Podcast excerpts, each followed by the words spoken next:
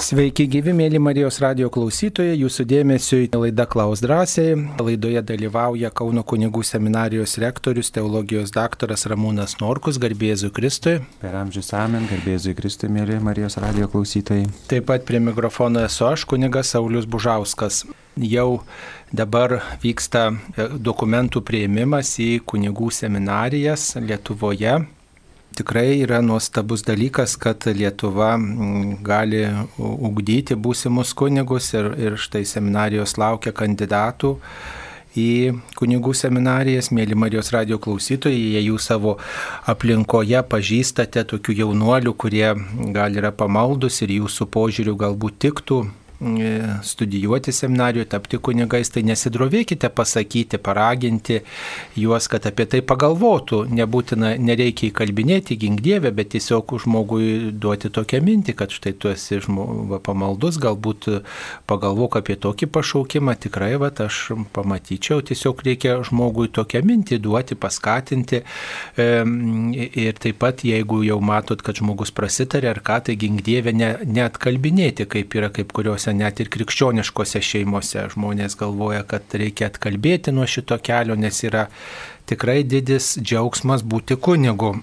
ir štai jau kiek kunigauju, tai nuostabu, kai susitinku po daugybės metų kokį žmogų ir jisai Na, sako, kunigė, jūs mane prisimenat, galvoju viešpatė, kur aš jį mačiau, kas čia buvo, sako, kunigė, va tada jūs ten kalbėjot, arba ten buvo toks susitikimas, ar toks va, įvykis, o štai va matot, aš po kiek metų atsimenu, ten taip ir taip sakėt, ar ten va, tokį va, padarė darbą ir galvoju, o matai, tai vien dėl to žmogaus gal vertėjo tapti kunigu, kad žmogui va, kažkas paaiškėjo ir po daugybės metų jisai susitikęs prisimena ir netikėčiausiose aplinkybėse prakalbina tiesiog kartais net ir parduotuviai, ar ten kokioj kelioniai, ar gatvėje susitikus, atrodo, eitų praeitų žmogus, o štai išdrįsta prakalbinti, kažką pastebėti, prisiminti, pasidžiaugti ir tas tikrai džiugina, kad žmogui gali padėti tokiuose svarbiuose gyvenime dalykuose. Tai tikrai didis džiaugsmas dėl vieno žmogaus, kuriam padedam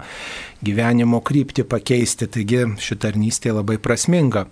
O kaip kunigė jums štai darbas seminarijoje ir, ir palydite būsimus kunigus, tai ką galėtumėte apie tai pasakyti? Taip, ir mes visi esame irgi ir pasirengę ir laukiame jaunuolių, kurie gali kreiptis, pasiklausti, atvykti į seminariją, su jie susipažinti. Pats dokumentų prieimimas vyks nuo Liepos 26 dienos Taip e, kunigų seminarijų vadovybė nusprendė todėl, kad e, ateinančią savaitę Lietuvoje abiturientams bus įteikiami atestatai. Tai kai kurie iš jų jau ir dabar nelaukdami tų atestatų, jau netgi du yra nauji kandidatai, bent jau kiek, kiek kreipėsi į Kauno kunigų seminariją, tai jie atvažiuoja, pasikalbėjo, paklausė, kokiu čia reikėtų dokumentų, kokiu būdu, ar su klebonu atvykti, ar, ar, ar nuvykti pas vyskupą. Tie visi gražus klausimai, kurie e, liudyja, kad žmogus jau masto savo širdyje. Ir Kauno arkivyskupas Kestutis Kievalas e, yra paprašęs šį Liepos mėnesį melstis už pašaukimus.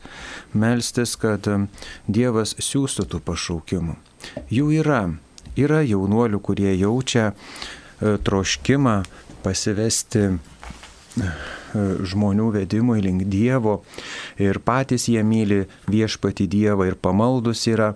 Tik va būna kartai susiformavę tokių įvairiausių nuomonių, baimių, kurios yra na, labai greitai ištirpdomos, kai atvyksta jie patys į vietą tiesiog pasižiūrėti, nors gal ir nenori studijuoti, bet tiesiog aplankyti kunigų seminariją. Mūsų vadovų telefono numeriai yra internetiniuose puslapiuose, galima pasiskambinti, galima užeiti, susitarsime laiką, pasikalbėti, pasivaikščioti, kaip atrodo ta seminarija, kur jie mokosi, kur jie meldžiasi. Tai dažnai būna, kad jaunuolis pabuvęs, pasivaikščiojęs, sako, ačiū, kad sugriovėte stereotipus. Nu va, tai atrodo, su, iš kažkur jie pas mus susi, susiformuoja ir gal kelia tokią na, baimę, o iš tikrųjų tai renkasi jaunimas, tie, kurie nori pasivesti e, viešpačiui Dievui ir žmonių išganimui. Tai reiškia visapusiškam patarnavimui ir ar išpažintyse, ar pamoksluose, va kaip kad tik, kad kunigas Saulis, kad pasakojo. Ir žmonėms tai duoda didžiulę jėgą ir viltį. Ir tada mes kunigai patys džiaugiamės. Mūsų tas pašaukimas, jis, jis jau net žemėje mums duoda džiaugsmą. Yra prasmingas. Ir Kiekvienas iš jaunuolių nori kažką gyvenime padaryti, na, didingo ir kilnaus. Todėl, kada, kai susitinka kokį tai pasipriešinimą, ar tai šeimoje, ar sako, ką tu čia galvoji, čia mes neturėsime dabar anūkų, ar dar kaip nors, tėveliai ir artimieji nepergyvenkit. Jeigu jūsų sūnus bus laimingas arba dukra įstojus į vienolyje, jūs patys dvigubai būsit laimingi. O jeigu mes atitrauksime žmogų nuo jo pašaukimo, tai jis visą gyvenimą taip ir darbuosis tos darbus, kuriuos reikia ir vis sakys, nu va, galėjau stoti kunigų seminariją, tada norėjau, niekas nepadrasino. Tai ši laida irgi tegul būna toksai vienas kaip postomis, kas malda padrasinkit, kas žodžiu padrasinkit, o, o kunigai ar klebonai gal savo pavyzdžių, savo paraginimu, savo draugystę tam, tiems jauniems žmonėms savo dovanotų laiku padrasinkit. Viešpats kviečia, tik mums reikia turėti tos šventos drąsos atsiliepti. Svarbu, kad e, bendradarbiautume ir tie, kurie gal yra vyresni ir melstumėtės, tai vienas dalykas. Antras dalykas, kad e, pastebėję pamaldų žmogų paskatintumėt jį, tiesiog duotumėt jam tokią mintį, tokį ženklą jam teiktumėt. Galbūt žmogus galvoja apie tai, bet nedrįsta, bet jis jau sustiprintas, jeigu kažkas iš šalies, e, kartais ir mažai pažįstamas žmogus, štai tokią va mintį pasakė. Ir tikrai čia... Ir tikrai būna taip, kad žmogus jis galvoja, ne, nu aš čia nesu vertas, nei aš čia šventas koks esu, nei čia aš taip labai jau labai mokausi gerai. Dievas neieško super jaunuolių, kokių tai supermenų, labai jau tokių e, nepriekaištingų. Kaip tik dar geriau, kad yra e, jaučiantis žmogus savo silpnybę ir silpnybės. Tada jisai labiau pasitikė Dievu, leidžia veikti Dievo maloniai savo gyvenime. Ir Ir tada Dievas tikrai veikia ne vien tik jo širdyje, bet kiekvieno žmogaus širdyje, kurį jisai sutinka.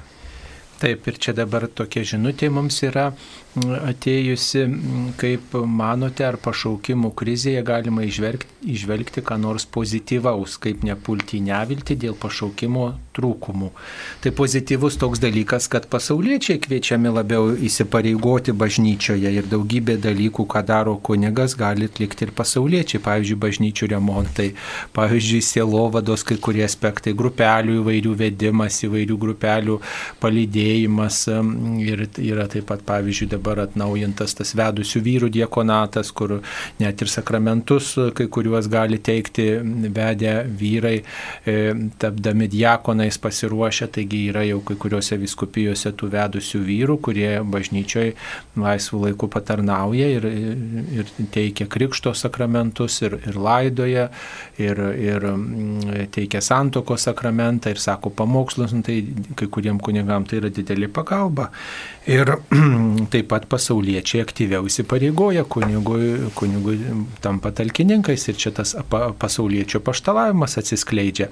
O kitas dalykas pozityvus toks, kad e, mus skatina vis dėlto suvokti savo trapumą, parodo mūsų ne tik pašaukimo, bet ir tikėjimo krizę, kad mūsų nėra tikėjimas brandus kad mūsų tikėjimas gal tradicinis, kad mūsų tikėjimas nėra sąmoningas, nėra to bendruomeniškumo, nėra to atsakomybės, na, iškelia tuos dalykus, apie kuriuos reikėtų pagalvoti ne tik tai ten kunigui, bet apskritai visiems bažnyčios nariams, kurie laiko save tikinčiais. Pašaukimai jie gimsta iš mūsų begalinės meilės ir nuoširdumo Dievui, švenčiausiai Jėzaus širdžiai ir mergeliai Marijai kada mes tikrai priimame šventą komuniją dažnai, e, su didelė meilė ir pagarba, kada atliekame tikrai nuoširdžiai išpažinti. Ir atėję į šventasias mišes nebijom priklaupti, jeigu tik sveikata leidžia. Visa tai byloja ir tarsi kaip sėkla krenta į tų jaunų žmonių širdis. Mūsų elgesys su pačiais švenčiausiais dalykais, tai yra su pačiu viešpačiu Jėzumi Kristumi kaip mes kalbame apie šventasias mišes, apie juose dalyvaujančiuosius. Kartais netgi iki anegdotų visokių yra prieinama ir tai parodo, kad, nu, mūsų bendruomenėje matyt nereikia tiek gal daug tų pasišventusių žmonių. Taigi, tai ir yra, vat, viešpats jeigu mato, kad mūsų širdis yra mylinčios, prisirišusios prie Dievo, jis duos tų pašaukimų, tikrai duos ir tikrai kviečia. Todėl turime daryti kiekvienas, aišku, ir sąžinę sąskaitą, savo tokią, tokią peržvalgą, kaip aš elgiuosi su pačiais švenčiausiais dalykais, kur mano rožančius yra, jisai yra su juo aš melžiuosi, ar jisai yra automobilyje tik tais ant veidroduko kaip grožis, kaip papuošalas. Na va, tokie visi dalykai jie susideda ir malda ir tas atsidavimas viešpačiui toksai, na, tikras, ne koks apieiginis, bet toks tikrai tikras, kaip su asmeniu bendraujant, tai ir pakviečia jaunuolius. Jie mato, jie jaučia tą mūsų maldą, mūsų atsidavimą ir žinoma, kad viešpats Dievas tai iš tikrųjų egzistuoja. Taip, o kaip neprarasti vilties, tai niekada mums vilties nereikia atiduoti ir net ir pačiais sunkiausiais laikais vilti turėti žmonės iškenti ir Sibirus, ir, ir lageriuose buvo ir atrodė, kad jau čia tikrai nebus nei galimybės laisvai tikėti, lankyti bažnyčią, melstis ir kalėjime žmonės sėdėjo dėl to, kad vaikus mokė tikėjimo, kad, kad trispalvę iškėlė, kad pasakė, tebūnė laisva Lietuva ar dar kažką. Tai jie neprarado vilties ir, ir jie turėjo tokį tikrumą, kad vis dėlto kažkada buvo Lietuva laisva ir turėjo tokią na, viltį, kad tai bus ir įsipildys, o jeigu ne dabar, tai vėliau, jeigu ne aš nesulauksiu, tai vis tiek kažkas sulauks, jeigu niekas nesulauks, tai vis tiek yra tokia galimybė. Tai, tai ir mes, viltis tai yra vis dėlto Dievo duota malonė vis dėlto žvelgti į ateitį su tokia prisiminimu ir, ir tikėjimu, kad viešpats Dievas veda mus, jis išpildys tai, ką yra pažadėjęs, nes jis pats savimi tą paliudijo savo mirtim ir prisikėlimu, kad viskas turi prasme šitam gyvenime. Tai ir bet, bet koks sunkumas, bet koks trūkumas, jisai Dievui patikėtas, jisai nėra veltui. Tai kas esame skaitę knygą Kipšo laiškai, tai tikriausiai atsimensite, kad ten pats didžiausias kipšiukui pagirimas ir e, nuopelnas, jeigu jisai žmogaus atima viltį. Taigi tikrai nepasiduokime vilties atėmimui, nes mes esame su viešpačiu, kuris gyvena per amžius, kuris yra uh, galingas darbais ir žodžiais, kuris uh, visą sukūrė ir yra tarp mūsų. Tai viltį visuomet išsaugokime, turėkime savo širdyje, kad ir kas be nutiktų. Taip mums paskambino. Juozas iš Kauno. Taip, Juozai, klauskite. Per amžius. Na, šitą tokių klausimų, na, sakykime, pasauliečiai, genetikos mokslininkai teigia, jog homoseksualių gimstama ir čia nieko negalima padaryti. Bet kyla toks klausimas, man žinot, negi kurie juos dar negimusius pasmirkėšiai mirtiniai nuodėmė. Kaip bažnyčios būtų katalikų teologai gal turi kokį atsakymą tikrai šitą klausimą. Ačiū Jums.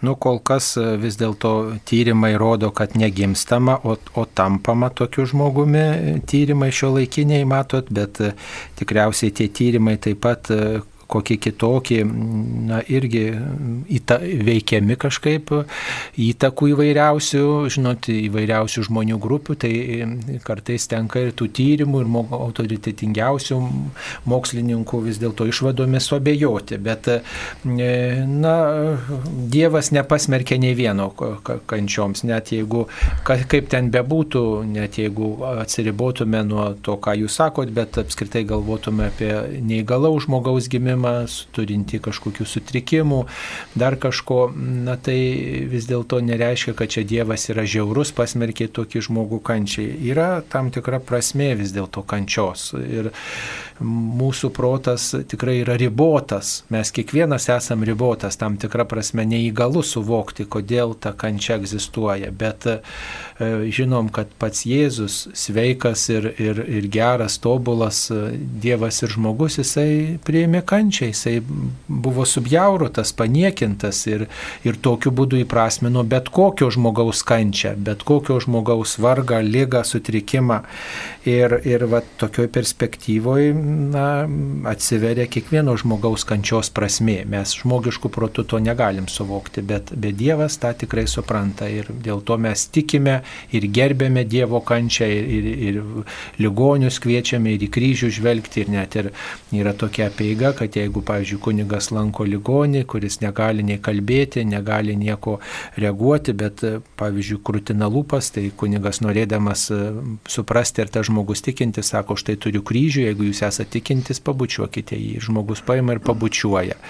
Na tai irgi va tokiu būdu išreiškia, kad ma, branginu Kristų, kuris už mane numirė ir prisikėlė, kuris mano kančią, mano mirtį, mano vargą įprasmino, mano lygą prisėmė. Tai Na tai, tai, tai va ir, ir jums štai ir atsakymas. O mokslininkų, žinot, nuomonės e, iki šiol tyrimai sako, kad tai vis dėlto nėra įgimta, bet galbūt bus ir kitų nuomonių, neaišku, kuo pagrįstų, neaišku, ko, kieno veikiamų nuomonių, tai bet kokiu atveju tai, kaip sakyt, atsakymo nekeičia, kad jeigu kančia, nuo kur jinai be prasidėtų, sutrikimas, lyga ar kažkoks, kažkoks varginimas žmogų kamuoja, kamuotų, jisai gali turėti prasme žmogaus gyvenime, jeigu jis atiduodamas Jėzų, jeigu jis Jėzaus akivaizdu yra sprendžiamas. Bažnyčios mintis tai visuomet yra kad žmogus pats iš savęs jisai yra geras, nes pats viešpats jį sukuria.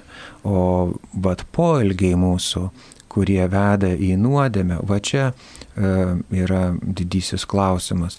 Ir tie žmonės, kurie pajunta kaip jūs sakėte, homoseksualų um, jausmą savyje ir, ir tą prigimti, ar, ar, ar kaip pasakyti, tai visi, ar mes heteroseksualūs, ar homoseksualūs žmonės, jeigu naudosimės, um, kaip pasakyti, lytiniais ar santykiais, kurie yra skirti gyvybei uh, pratesti, žmogaus giminiai pratesti, netvarkingai, nesaikingai, su prievarta kokia tai, tai visuomet atneš skausmą aplinkiniams.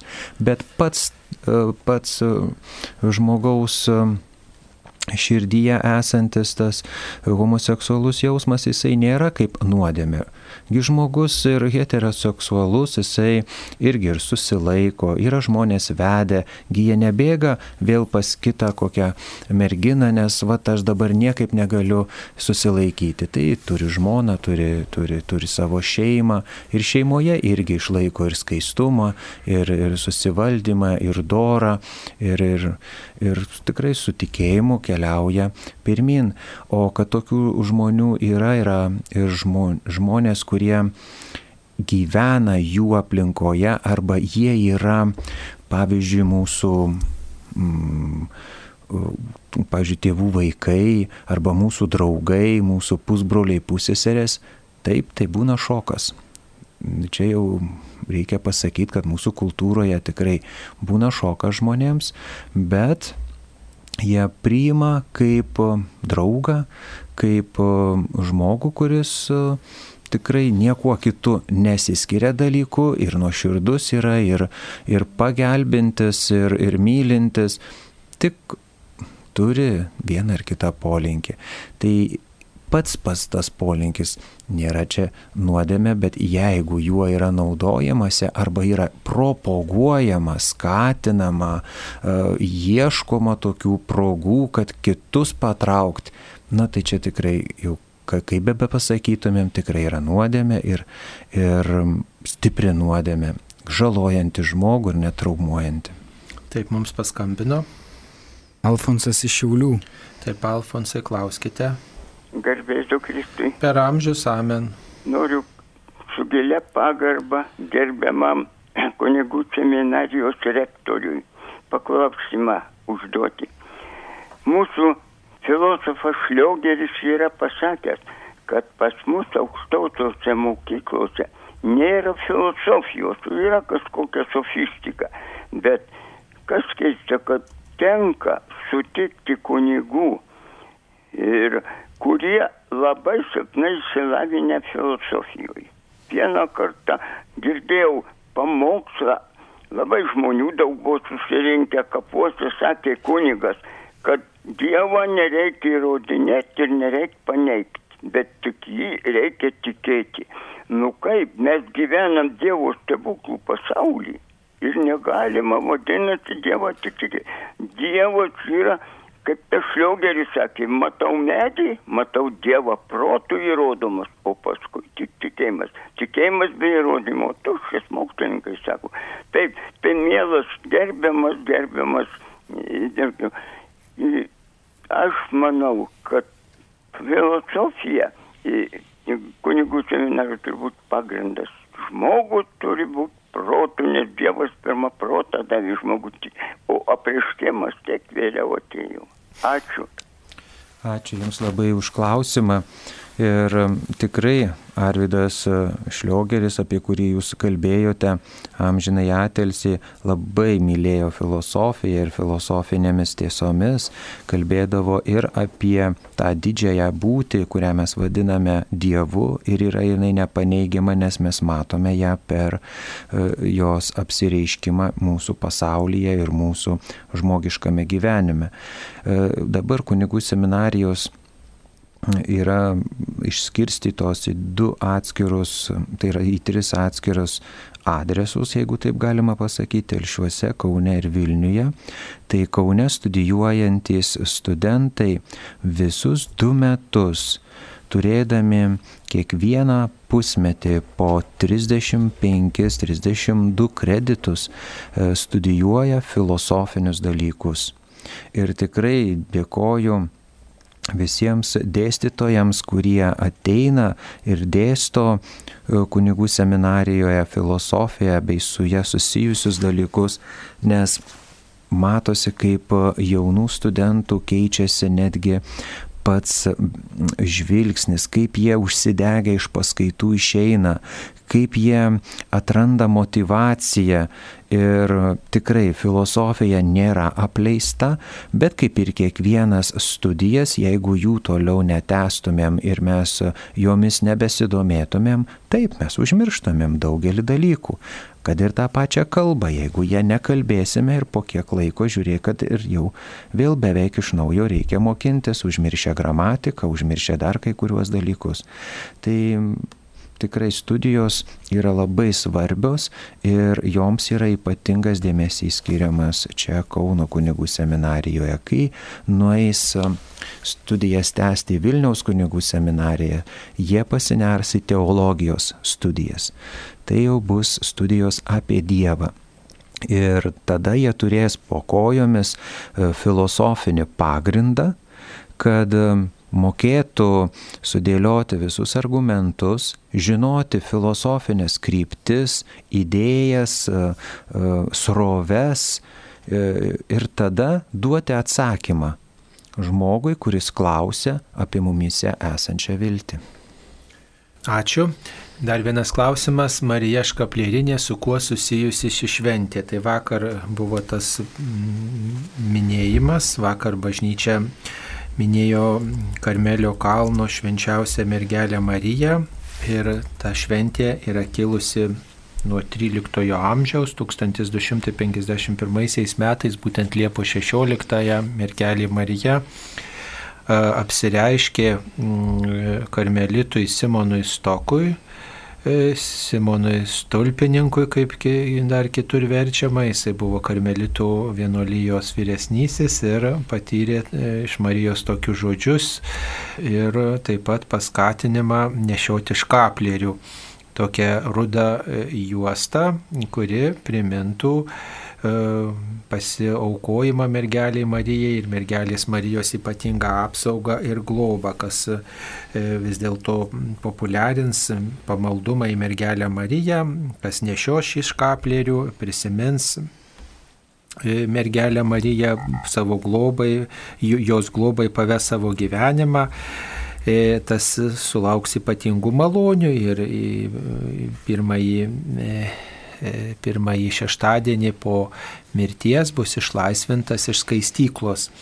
E, tai yra toksai e, kaip ir ypatingo pasiaukojimo Marijai ženklas. Marijai kaip tikinčiai, kaip Dievo motinai ir tas pasivedimas būti ypatingai jos globoje.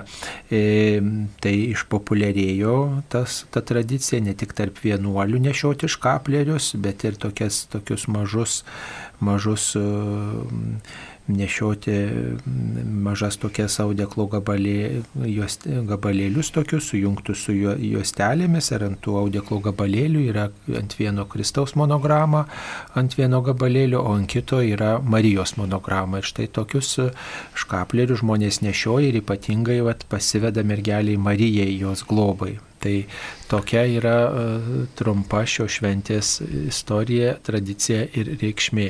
O Lietuvoje tokių šventovių, kurios e, turi švenčiausios mergelės Marijos škaplerinės titulą, yra net aštuonios. Yra Kernavėje, Pumpėnuose, Linkuvoj, Gudeliuose, Margininkose, Seirijose, Adutiškyje ir Druskininkuose.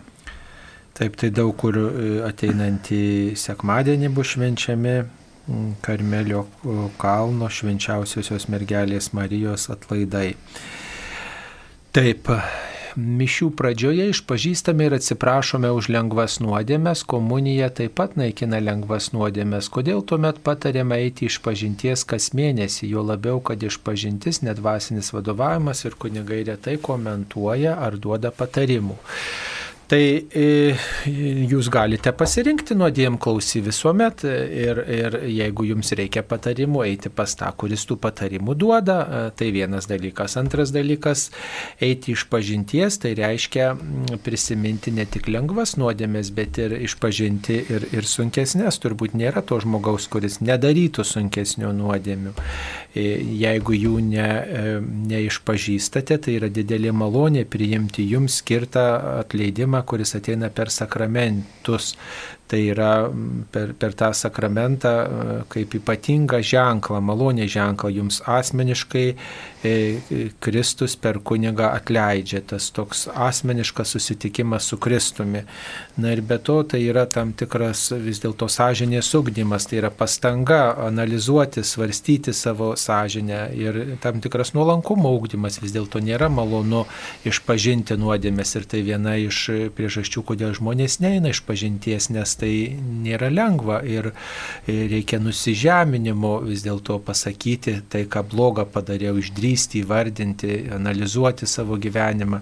Mes norim tik tai būti geriami, norim tik tai gražius dalykus kalbėti ir čia džiugauti, švesti, bet štai na, panagrinėti, kas yra kreiva mano gyvenime ir to atsižadėti, tai reikia tam tikro nuolankumo. Ir vat, būtent dėl to nuolankumo, kuris greuna puikybę mūsų gyvenime gyvenime ir verta eiti iš pažinties. Juk kas sako, kad neverta, tai jau tikrai turi puikybės. Ir tai yra viena didžiųjų nuodėmių, viena sunkiųjų nuodėmių. Va. Ir, ir jeigu mes čia sakom, aš neturiu nuodėmių, mano lengvos, man atleidžiama, tai reiškia, aš įsisukinėjau, aš neigiu šį sakramentą, aš manau, kad surasiu kitų būdų, negu kad bažnyčia siūlo. Ir vadinasi, puikybė mano širdį labai smarkiai įsitaisiu savo lizdą, o puikybė, žinokit, ir kitas jūsų darybės į tiesiog sumenkina. Tai taip, kad pasirinkit nuodėm klausiačių Dievui, dabar žmonės ir ratuoti, gali ir nuvykti, ir toliau, ir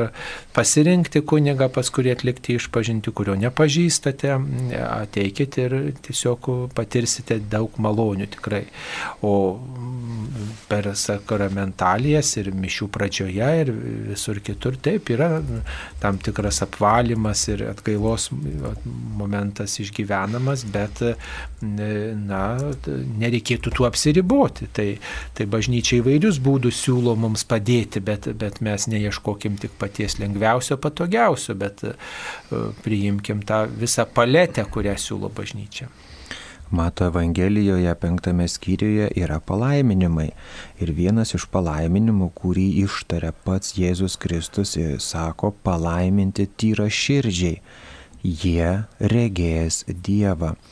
Tai štai, kaip mes, kad ir rankas plaunamės, ir rūbus savo plaunamės, nu nenorime eiti tokiais padulkėjusiais, paprakaituotais kokiais, tai, tai lygiai tas pats, aišku, daug didesnė reikšmė, bet čia galima tik tai va taip vaikams kalbant arba kokiai užkėtėjusiai širdžiai, kad jeigu jau mes rūbus prisižiūrim, taigi siela yra nemirtinga. Taigi stenkime, kad jinai kuo, kuo labiau būtų tyra širdis ir kad mes prisipažįstame mišių pradžioje, tai reiškia tiesiog apgailime, parengėme savo širdį, kad viešpats atėjęs į ją tikrai e, nušviestų tą šviesą ir mes tikrai pastebėtumėm, va ir toj vietoj buvau neteisus, va toj vietoj galėjau padaryti gerą, va tą dieną galėjau pasimels pagarbinti Dievą ir vant kažkaip užmiršau, kažkaip bėgau, vien tik taip pats norėjau viską tvarkyti. Na ir na štai į kokį, į kokį Dievo artumą žmogus yra pakviestas, kada jisai, kaip jūs kad sakėte, kas mėnesį arba kas du ateina šventos išpažinties. Mūsų dvasios tėvas sakydavo, jeigu jau trečias mėno ir esi be išpažinties, sako, jau tekinam reikėtų bėgti prie išpažinties langelio. Nes taip gali ir nutolti, ir širdis užkėti kentėti, ir tas nenuodėmė, ir anas nenuodėmė. Ir žinoma, nepulti tokį kraštutinumą, kad jau kasdien jau vien tik tai nuodėmės ir te darom, nedarom jokių gerų dalykų. Tie visi geri dalykai, mūsų dorybės, mūsų talentai, Dievo dovanos mums duotos, jos ir pasireiškia per tyrą širdį. O kur mes tyrą širdį gauname? Kada suklumpame tiesiog nuo širdžiai prie klausyklos langelio ir kunigas, kad ir ar jis ten griežtesnis, ar jis ten geresnis bus, ar, ar, ar, ar senesnis, ar jaunesnis, pakelia ranką tardamas išrišimo žodžius ir viskas.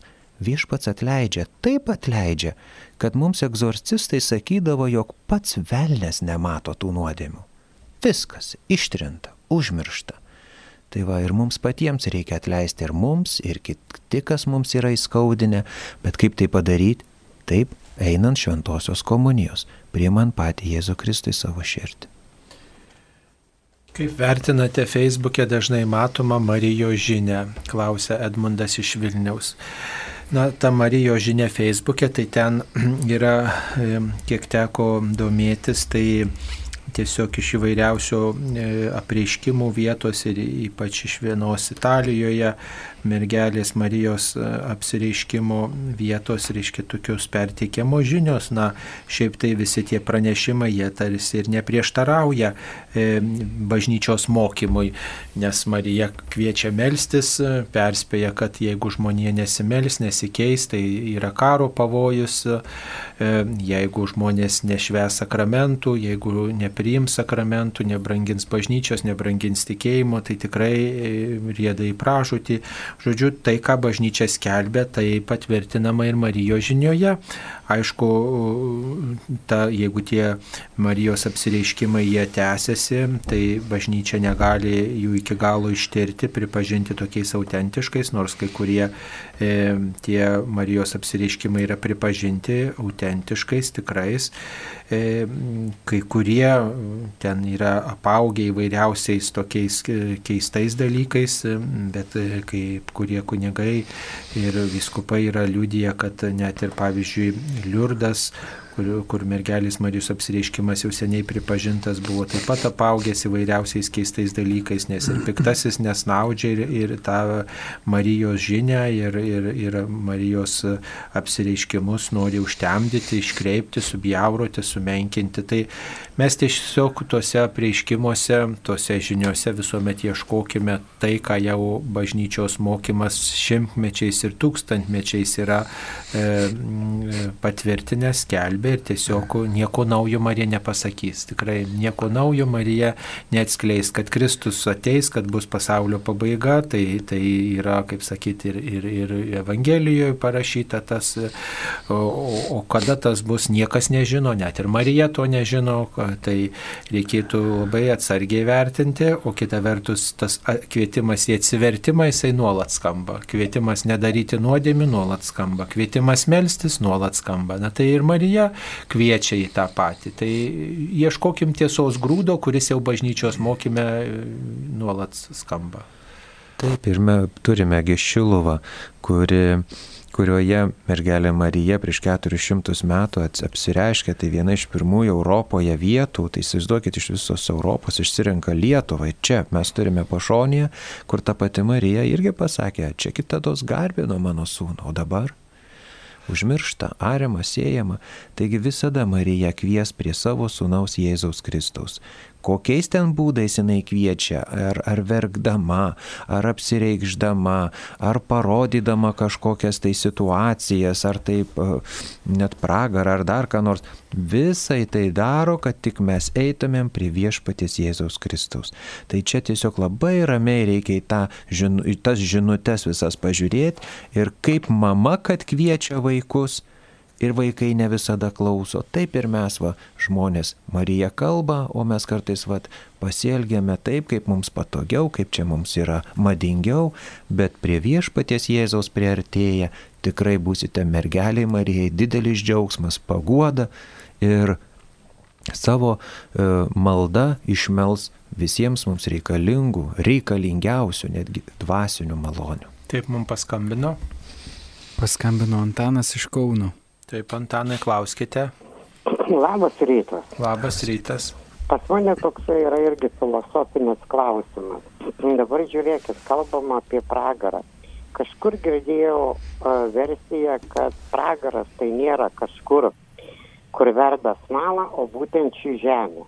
Nes uh, kiek pas žmonės yra kančių, ten artimieji alkoholikai, finansiniai trūkumai, skausmai, nebereikalo žmonės vadina, kad čia yra ašarų pakalnė. Taip, supratome. Ir bet kokį žmogų. Tai ačiū labai Jums už klausimą. Tikrai pragaras yra būsena, kuri bus po mirties ir tikrai mums žinoti, kad viešpats Dievas yra tikrai egzistuojantis, bet didelis, didelis skausmas, jo neregėti, prie jo nebūti. O kai žemėje jūs sakote apie ašarų pakalnes, net į mūsų poeziją ir dainas įsitraukusi šitą žmonių kančią, tai yra labai daug mūsų nuodėmės pasiekmių. Tiesiog nuodėmė dažniausiai yra pasiekmė mūsų kančių ir ašarų ir skausmų. Dažniausiai. Net ir jeigu kartais mes esame nepajėgus e, kontroliuoti kokio nors tai skausmo, kurį, kurį mums suteikia viena ar kita aplinkybė, gi esame vienas šalia kito ir vienas kitą galime palaikyti. Todėl kitas posakis yra pasidalintas skausmas, jau pusė skausmo yra. Tai būdami žemėje Dievą tikintis ir mylintis vienas kitą, tikrai tą žemę pradedame paversti Dievo karalystę jau čia žemėje esančią. Mato, šita žemė nėra pragaras vien tik todėl, kad čia vis dėlto galime pasirinkti ir Dievą, galime pasirinkti viltį, galime mylėti, galime atleisti, galime e, tikėti ir, ir patirti Dievo artumą ir, ir tiesti tiltus, kad ir koks būtų sunkus gyvenimas, kad ir kaip būtų kartais sunku ir žmonės, kaip per karus sako, nu užvirė tikras pragaras. Tai tikrai užverda tas pragaras labai didelis, bet vis tiek yra viltis, yra meilė, žmonės žmonės ir per karus, ir tuokėsi, ir, ir atleido, ir mylėjo, ir patarnavo viens kitam, ir, ir tikrai tokių graudžių istorijų pagirdime, kad e, net didžiausiuose sunkumuose žmonės pasiaukodavo vienas už kitą. Pragarė to nebus, pragarė bus visiška kančia. Ir, ir jokio dievo artumo, jokios vilties, jokios, jokių net mažiausių meilės apraiškų. Dėl to, kai žmonės jokauja pragarė linksmesnė kompanija, ten šilta bus, tai neapsigaukim. Čia reklaminė kampanija kompanija pragaro, kad ten bus linksma, ten gera kompanija, ten nebus gera kompanija, ten bus nuolatinė kančia, ten bus nei truputėlio vilties, nei truputėlio džiaugsmo, nei truputėlio um, Dievo artumo, bus visiška tamsa ir visiškas um, Dievo tolumas ir, ir stingdantis šaltis ir stingdantis karštis ir kas tik norit bus, kas atneša didžiulį kančią, skausmą ir dėl to atmesti Dievą ir, ir sakyti, kad čia šita žemė yra pragaras, tai tikrai taip negalime. Ir, ir ne, čia ne filosofinis šiaip jau, o teologinis klausimas yra. Ir, ir e, dėl to, kad e, kalbame apie Dievą, apie santykį su Dievu, apie jo buvimą, to santykio arba nebuvimą. Tai e, tie žmonės, kurie numoja į Dievą arba atsižada tikėjimo, tikrai elgesi labai lengvabūdiškai ir tikrai atsuka Dievui nugarą. O tai žinot, kaip tas anegdotas sako, jeigu Dievo nėra, jam atsukti nugarą, tai, tai reiškia, nu nieko, bet jeigu jis yra, tai tikrai geriau neatsukti. Tai arba ten rodyti špygą jau. Jeigu Dievas yra, tai geriau jam nerodyti špygos, nes tikrai to liūdnas pasiekmes savo pasirinkimo mes turėsime. O jeigu nėra, tai kam tada rodyti? Kam tada rodyti, iš tikrųjų. Taip, vyksta atlaidai, bet pasibaigs, pasibaigus mišioms, išeiname nam, namo jų nepelnius tų atlaidų, mano nuomonė, nes nesukalbama maldų popiežiaus intencija, ar negalėtų kunigai priminti tikintiesiems, to, ar įtraukti į bendrą maldą, klausė Rima. Taip, mėla Rima, visiškai jums pritariu, tikrai sveikinu, kad jūs tokį klausimą iškelėte. Tikrai, mėloja, jūs labai teisingai pastebėjote. Nu, bet va teko būti Žemaičių kalvarijoje, tai ten vyskupas, vadinasi, vis telšių vyskupas Algirdas Jurevičius, grįžęs po kalvarijos kalnų, kartu su visais tikinčiaisiais, su visa bažnyčia, pasako popiežiaus intenciją ir melžiamės norėdami pelnyti atlaidų savo ir mirusiems. Nu, va, ir sukalba visa bažnyčia, visas maldas. Tėvė mūsų, sveika Marija, garbė Dievui. Ir, va, ir kas prie jas išpažinties, prie jas komuniją, apie jas kryžiaus kalnus, pasimeldė šią intenciją, važiuoja namo pelnės atlaidus. O kitur viskupijose paliekama tai tikinčiųjų samoningumui ir va, truputį gal ir nuskriaudžiami tikintieji. Tai va, jūs minkit ant kulnų viskupams, minkit ant kulnų klebonams, kad jie tą darytų, o mes per Marijos radiją skelbėme, mėly kunigai, mėly viskupai, jūs šitai žmonėm priminkite, nes ne visi sąmoningi, ne visi, ne visi yra tokie supratingi, ne visi supranta, kas tie atlaidai, kam jų reikia ir net bent kiek suprasdami ar norėdami šitai tiesiog gal ir pamiršta pasimelsti popiežiaus intenciją už tai, kas rūpi popiežiui. Va, nu tai gražu, kai jūs tokį klausimą keliate. Taip, mums paskambino. Danutė iš molėtų. Danutė, klauskite jūs eterį. Garbėsiu Kristus. Per amžius. Per amžius. Noriu paklausti, ar čia nuodėmė pasibjaurėjo tokio kaip lėčiškų ir bjaurų žmogaus poelgio. Tiesiog nebegaliu atrodo žiūrėti, kokia man bjauriai pasidarė, tiesiog negaliu. Nu, matot, ar čia svarbu dabar pastebėti, ar nėra tokios puikybės, ar jūs neteisėte to žmogaus, kad šlikštų pasidaro, tai čia natūralu ir, ir mes pasišlikštėm savo nuodėmėms ir kitų žmogum pasibjaurim. Na, bet tas neturėtų virsti tokiu teisimu, kad štai matai, koks tu šlikštus, o koks aš geras, nes aš taip nedarau, ar ten kaip, va, čia reikėtų labai savo sąžiniai pastebėti, ar aš neteisiu, nemenkinu to žmogaus, nežvelgiu jį iš aukšto, va tada būtų nuodėmė. O jeigu jūs pasibjaurėjot, jums šlikštu, kad ten kažkas kažką padarė, kažkas ten nu, tokį pasidygėjimą sukelia. Nu, pavyzdžiui, matai žmogų e, šitą, e, kokį murziną tenais gatvės žmogų, tą bėdžių, ten parkritusi krūvina visą ten porvina, krūvina viską, nu tai mm, smirdanti, nu tai aišku, kad šlikštu ir kartais net jauti tokį blogumą viduje, fizinį blogumą, tai, tai, tai yra viena, bet, bet reiškia, ar, ar aš, va, koksai kisai, niekšas, koksai ten toks vašmėsteli kartais viduje, kad aš taip nedarau, arba aš nesu toks aš švarus, tai tada jau teisiu tą žmogų, o pasidygėjimas pats toks, tai tiesiog tokia žmogaus savijauta, e, reakcija į patiriamą blogį, tokia, vat, emocija galbūt yra. Ir tai nėra nuodėmė, aš taip atsakyčiau. Taip, taip, dar viena tokia žinutė yra apie kiaušinius. Turiu kelių metų senumo šventintų Velykinių kiaušinių. Gal galite patarti, kaip galima su jais pasielgti? Nelabai turiu galimybės užkasti juos kur nors gal būtų galima įmesti į upę. Nu, į upę gal nemeskite, nes, e, nu, teršime upę, žinot, vis tiek upėje kažkas gal maudosi, gal, gal panašiai. E, o kodėl neturit galimybės užkasti? Taigi, nueikit į mišką, pakapstykit kur po krūmeliu, tik tai ne kokiam draustinį, rezervatą ar kur, bet šiaip miškelį kažkur ir užkasite, užmeskite žolę. Čia nieko tokio, čia nei teršimas bus, nei nieko, bet žemė vis tiek kažkaip kaip kiaušinis, jeigu galima tokiu būdu jį, kaip sakant, ir suvienyti su žeme. Va, vandens, vandenį nereikėtų mesti, geriausiai užkasti praktikuojama tokia praktika visų sakramentalijų, jeigu neįmanoma jų, pavyzdžiui, sudeginti. Tai jau norėjau tą patį pasakyti, kad kai ruošiausi pirmąjį komuniją į Girdžių parapijoje, e, joje darbavosi kunigas Marijonas Šauklys, tai jisai nuolat mėgdavo tokį žodį sakyti, meskim į šventą ugnį. Ar kokį ten paveiksliuką radom, meskim į šventą ugnį. Arba dar žmogus sako, ten kokį kryželį turiu šventintą, kur kunigėlį dėti. Jis vis atsakytų, meskime į šventą ugnį.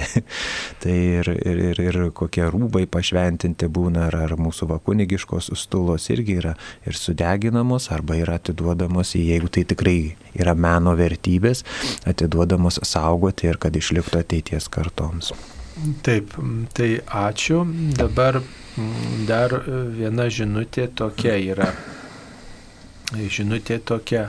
Moteriai pasto, iki moteriai pastojant būna daug natūralių persileidimų moteris net nepajunta, čia lyg Dievo abortą, jis savo pavyzdžių parodo, kad čia nieko tokio, jūs žmogžudystė, žmogžudystė.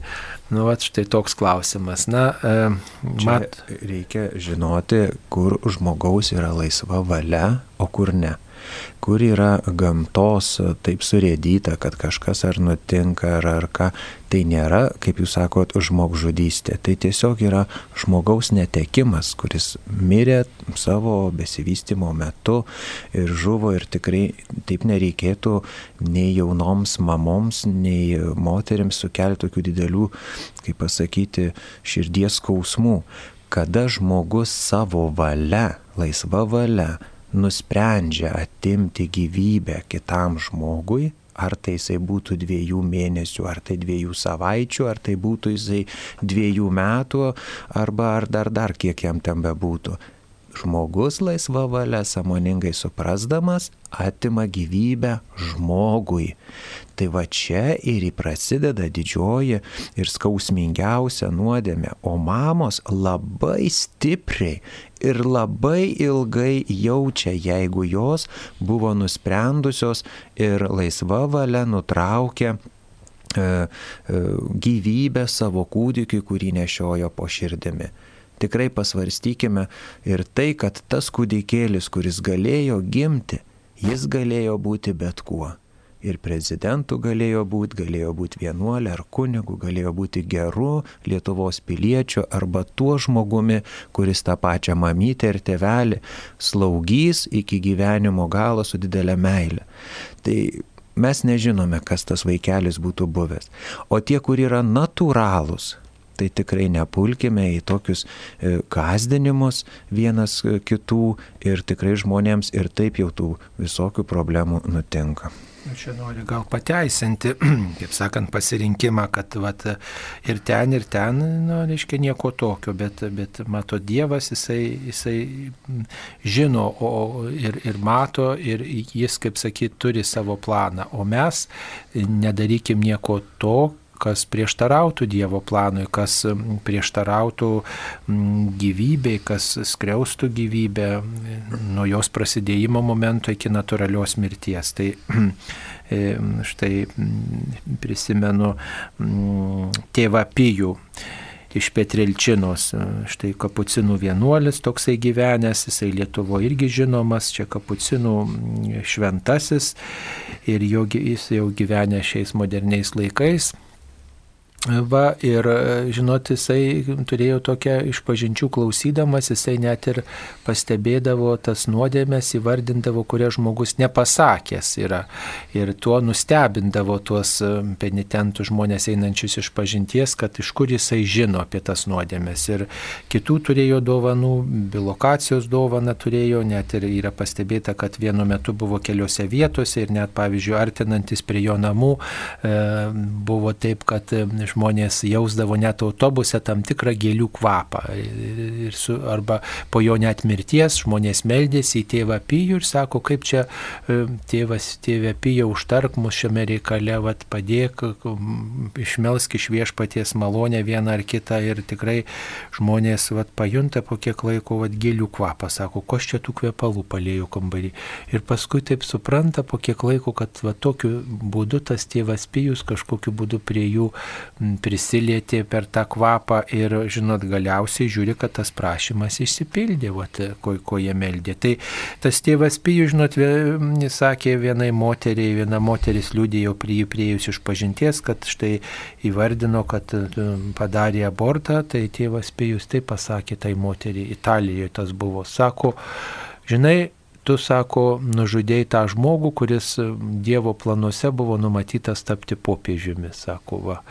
Tai tikrai čia tokia garsi istorija, ta pati moteris liudijo, tai buvo sukrėsta, kad reiškia, va, ji nužudė tą, kuris ne tik tai, kad kunigas, bet ir popiežium galėjo tapti va, Dievo planuose. Tai, tai va, turėjo tokią išvalgos dovaną. Tai taip, kad, žinot, nepateisinkim lengvai aborto ir nenumokim ranką. Tai vis dėlto gyvybė pradėta, jinai neturi būti iš mūsų pusės, iš mūsų pusės, žmonių pusės jinai ribojama kažkaip ir su ją su atsakomybė dėl to reikia pradėti ir ugdyti tą gyvybę.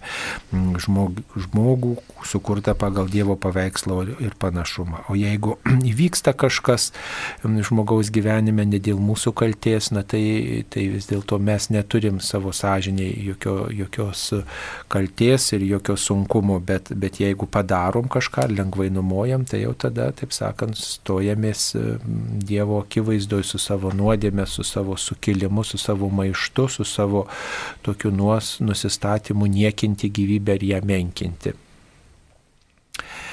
Taip, dar viena žinutė. Sakome, tikiu šventąją visuotinę bažnyčią, ji mistinis Kristaus kūnas.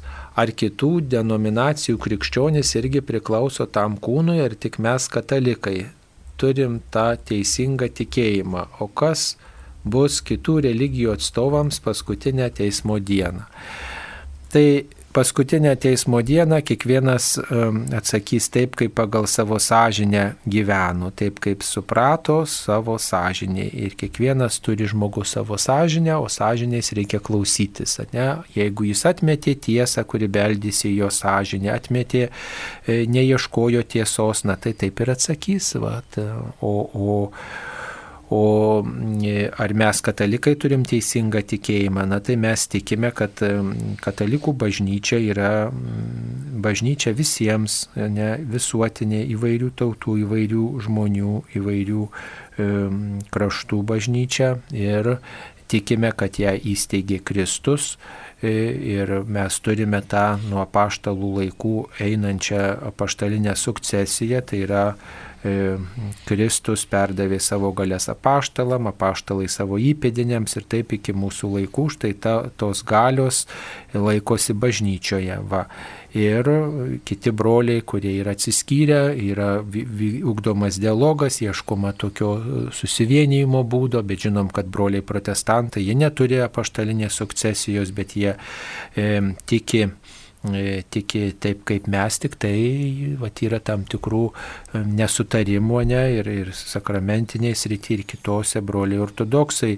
Jie turi paštalinę sukcesiją, bet nepripažįsta popiežiaus autoritetų. Tai čia yra tokie įvairūs dalykai. Dabar, kai bus su tai žmonėm, na tai e, tikime, kad iki Kristaus antrojo ateimo galbūt įsipildys tas e, Kristaus troškimas, kad visi būtų viena. Va, ir na, tikime, kad viešpats vienas suras būdą, kaip mus visus suvienyti, jei ne čia žemėje, tai amžinybėje. Va, ir jeigu kitų bendruomenių žmonės tiki kažkaip kitaip, na tai tegul jie tiki, mes pasirinkim e, tai, ką laikome tiesa ir kas mums yra autoritetas. Tai e, renkamės katalikų bažnyčią, nes čia yra tiesa, o kiti žmonės suranda kitus kelius, jie tai pasirenka. Koks bus jų likimas, vienas Dievas te žino, bet tiesos grūdų yra kiekvienoje bendruomenėje ir yra ko pasimokyti iš įvairiausių grupių, tačiau nereikia prarasti to kamieno, į kurį mes esame įskiepyti ir iš kurio semėmės jėgų. Katalikų bažnyčios katekizme 811 numeryje yra parašyta apie tai, kad e, mes e, tikėjimą išpažįstame vieną šventą visuotinį ir apaštališką bažnyčią.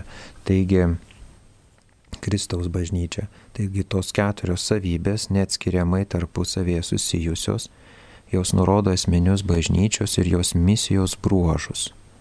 Taigi va, bažnyčia jos turi ne iš savęs, bet ir iš Kristaus gavosi per šventąją dvasę todėl padaro savo bažnyčią vieną, šventą, visuotinę ir apaštališką. Ir jis ir ragina ją įkūnyti šiuos brož, bruožus. Taigi bažnyčia ir stengiasi įkūnyti, nes yra raginama pati Kristaus ir Šventojios dvasios tos keturis brožus, apie kuriuos ką tik kalbėjo kunigas Saulis. Taip mums paskambino. Teklė iš telšių. Taip klauskite. Garbė Jėzui Kristui. Per amžius. Kaip jūs kalbėjote apie tėvą pijų, aš turiu paveikslėlį, kad pakvipo man čia toj fat, kad nudžiugau baisiausiai, tiesiog jau matai, tėvas pijus išgirdo jūsų pokalbį, tiek pakvipo, tai maloniai negaliu džiaugtis. Tiesiog baisiai, baisiai malonu. Dabar antras, ant, noriu paklausti, kodėl negėda, ponė karaliau, žinokit, ponių karalių reikia būtinai gėdų kiekvieną dieną, nes atitolinti lygas, tas visas koronas, tai tikrai Dievas išklausys, at, mūsų Lietuva būtų apsaugot nuo tų lygų, visokių, visokių lygų, visokių audrų, visokių karų. Būtinai tą giesmę gėdų įdėkit. Gerbiamas Saulė, įdėkit į tą tinklelį pastovi, kad kalbėtų, gėdotų tą ponį karalių. Dabar antras klausimas. Ir šitą ir Dievas mūsų prieglaud, kokia yra nu, prasminga giesmė, kokie brangūs žodžiai, jie anksčiau gėdodom, aš chorį gėdojau, kiekvieną dieną prieš mišęs gėdojom, tapo Dievas mūsų prieglauda. Būtų gerai irgi, kad gėdotų dažnai. Būkit geri, paklausykit, išklausykit mano prašymą. Taip, ponia karalių gėdodavo ir, ir šitą, ir sausrų metu, tai tikrai pritarėm vertinga, graži malda. Ačiū už pageidavimus, tikrai e, muzikos redaktoriai e, per, perduosim visą tai, ką jūs pasakėte. Tai viena iš gražiausių mūsų kantičkinių giesmių yra ponia karalių. Aha, jei jūs taip gerai žinote pragarą, tai man žinant rojų kabutėse amžinas pasninkas, poteriai, mišios amžinos, kitiems tai didžiausias pragaras, o gal rojus tai amžinas lėbavimas ir malonumai. Nu tai matot, tai jeigu jūs šitaip renkatės, na tai jūsų pasirinkimas. Dangus tai nebus nuobodžios mišios ir pasninkas ir poteriai. Tikrai tai nebus. Tai žinokit vieną, kad dangus yra daug, daug giliau, daug prasmingiau. Ir maldos, ir, ir poteriai, tai viso labo tik tai mūsų kukli pastanga vis dėlto Dievui atsiverti, Dievo ieškoti, ugdyti kantrumą, ugdyti darybės, kurios niekada žmogui net nešė kančios. Ne viena darybė žmogui net nešė kančios, bet kaip jūs čia rašote, lėbavimas, rojus, rojų atnešė, tai vis dėlto tuo metu gal yra smagu, bet visi žinot, kas, kad po lėbavimo būna pagirios, būna dar kažkas ir, ir būna sudaužyti indai ir atvažiuoja policija ir kaimynai nepatenkinti ir, ir giminės užpykę kartais ir, ir, ir piniginiai riesta, žodžiu, daug visokių visokių būna tokių karčių nuo to jūsų įvardinto rojaus pasiekmių. Tai, tai va ir pasirinkit, jūsų pasirinkimas, bet mes siūlom vis dėlto e, rinktis viešpatį kaip tą, kuris yra meilės Dievas ir kuris gal kartais per ir nevertus tarnus mums kalba, kartais galbūt ir mišios, kaip jūs rašote, ir poteriai, pasninkas atrodo kaip kančia. Tačiau reikia žvelgti truputį giliau, kad vis dėlto dar ne vieno žmogaus malda ar, ar mišios, taip sakant, na, nenuvedė klystkeliais, nenuvedė klystkeliais, tik tai, e, na, vat, tas ieškojimas kažko kito, pametimas Dievo, pametimas tiesos nuvedė į klystkelį, kuris atnešė didžiulę kančią. E, tai, na, neapsiribokit to tokiu ribotų supratimu, kad jeigu ten, vat, bažnyčioje sunku išbūti, kunigas nusišneka, čia senas, tai kam čia tas dangus, tai e, truputį giliau žvelkit, va, junkit fantaziją, filosofiją, junkit prisipažinkite, reiškia, kad Dievas e, yra tas, kuris yra amžinas ir kuris e, atneša žmogui gėrį. Dievas yra tobulumas, o, o, o, o nuodėmė, blogis yra tai, kas atneša kančią. Tai čia vienareikšmiškai. Mielam klausytojui galėčiau dar ir paantrinti, kad ir, ir atsakyti tokiais žodžiais, kada mes kalbame apie uh, Dievą arba apie kaip jūs sakot, pragarą ir, ir rojų, mes kalbame apie meilę. Taigi, jeigu mes kalbame apie meilę, tai jūs man pasakykite, tikriausiai esat vedęs, ar yra miela sutikti tą žmogų, kurį jūs mylite. Ar yra miela jį apkabinti, gerų žodžių jį padrasinti, ar yra miela tam žmogui nupirkti kokią dovaną, gėlę, ar yra miela su tuo žmogumi nuvažiuoti kažkur, pabūti, e, aplankyti ką nors, arba kaip mūsų vienas pažįstamas alpinistas sakydavo, jeigu nori pažinti žmogų, išsivesk jį į kalnus. Jeigu jis myli savo bendruomenę, jis ir anksčiau atsikels, užkais kavos visiems, arba užkurs ugnį, e, atsibudę žmonės ras jau šiltą arbatą, arba ar yra miela, mylint kitą žmogų, keltis naktį, kai verkia vaikas. Ar yra miela, tai va, mes kalbame tiesiog apie meilę. Ir jeigu mylinčiam žmogui mums yra miela padaryti brangius ir gerus dalykus, tai lygiai tas pats yra ir su Dievu. Jeigu mes Dievą mylime, mums šventos mišios yra mūsų atgaiva ir pastiprinimo šaltinis. Jeigu mes mylime viešpati, rožinis tai yra tiesiog Dievo gyvenimo apmąstymo būdas. Jų yra daug būdų, bet vienas iš tų būdų yra rožinis. Ir mes jį mylime, todėl kad mylime viešpati Dievą. O kai patapsi, pat, pateksime į rojų, nu, sakom, bus ten taip, kai mums į galvą netėjo, kas mūsų mintyse nebuvo ir kas mums iš viso niekas net nepasakojo tokio dalyko. Reiškia, tai bus kažkoksai meilės e, jausmas, džiaugsmas, santykis, kad jis tęsis amžinai, nenusibos ir būsime tikrai laimingi. Kažkas galbūt panašaus. Tai to tikrai nesumenkinkit, nesušaržuokit ir nedarykime anegdotų, nes iš žmogus iš meilės tikrai nenori daryti anegdotų. Jei tikrai myli savo šeimą, savo žmoną, savo vyrą, savo vaikus, jie stosis krūtinę, gins kelsis, kada reikės, važiuos, kur reikės, nupirks, ką reikės ir darys viską, kad tik mylimą žmogų išsaugoti. Taip ir tikinti žmogus viską daro, kad gyventų su viešpačiu Dievu. Mums paskambino. Kazytė iš Utenos. Taip, Kazytė, klauskite. Labą dieną. Labą dieną, Kazytė, klauskite. Biškutėlį nesigirdi, neaiškiai, na, stengsiuosi kiek galima glaučiau, kad tą minutę sutaupyti, bet tai, už tai ir atsiprašau, galbūt nebus to sklandumo, nes turėčiau ir vieną ar kitą klausimą. E, na, pirmiausia, tai lenkiu galvą už tą trupinėlį filosofijos ir teologijos kur paminėjo klausytojas iš Šiaulių, tai labai patiko ir viskas, viskas. Tiesiog pamoka didžiulė dovana, Marijos radijas, ką galima turtingiausio dvasiai išgirsti iš jūsų. Dabar man klausti norėtųsi, daleiskim, leidikla yra amžinoji uola, ten, ten skaito mano draugės apie adventistus, nereikia skaityti, o, o autoriai yra Elena Vait, ar priimtina jums?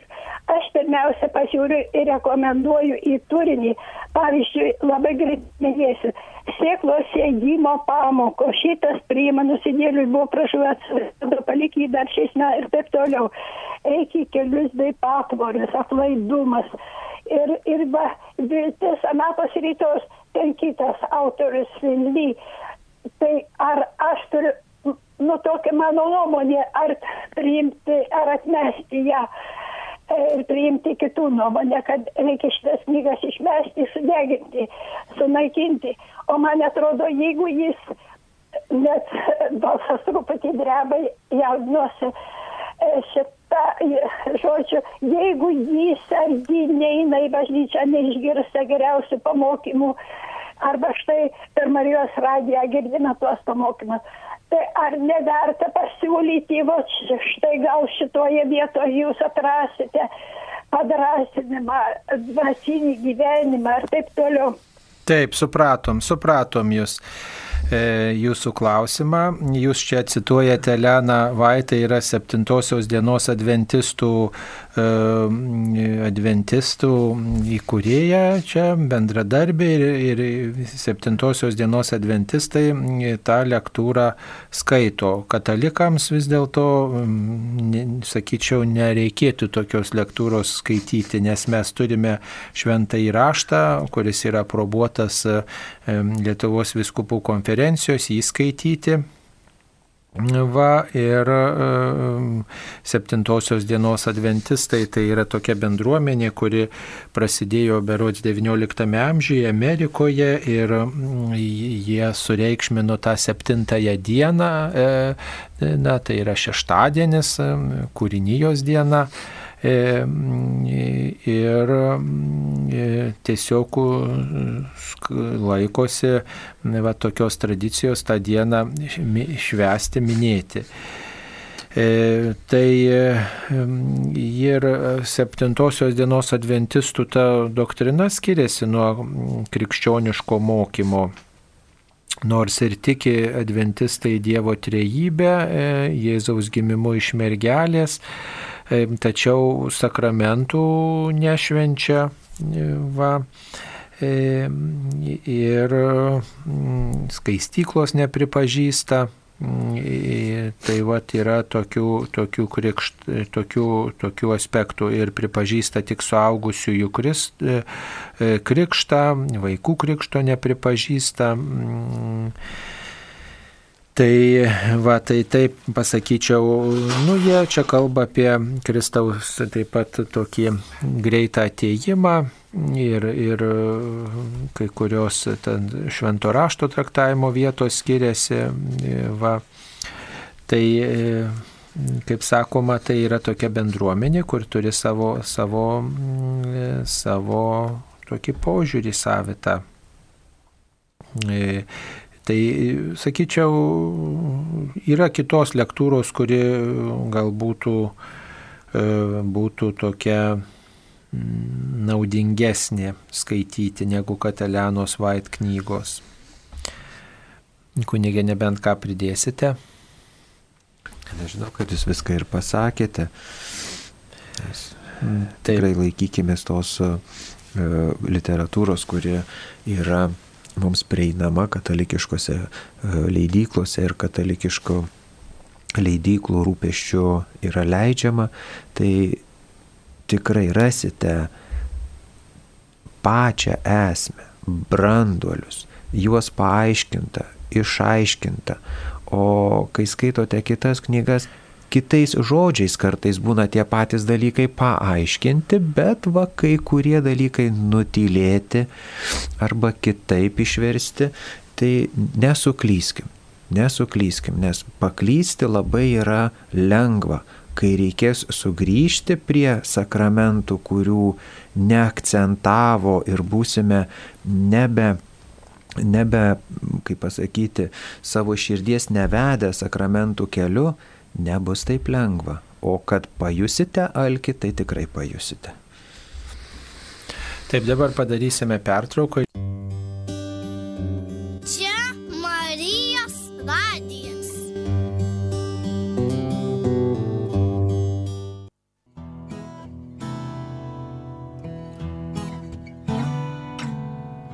Mums nebuvo įsakyta nuolatos dirbti, būdėti ir pasninkauti bet mūsų įstatymas yra nuolat melstis. Evagras Pontietis.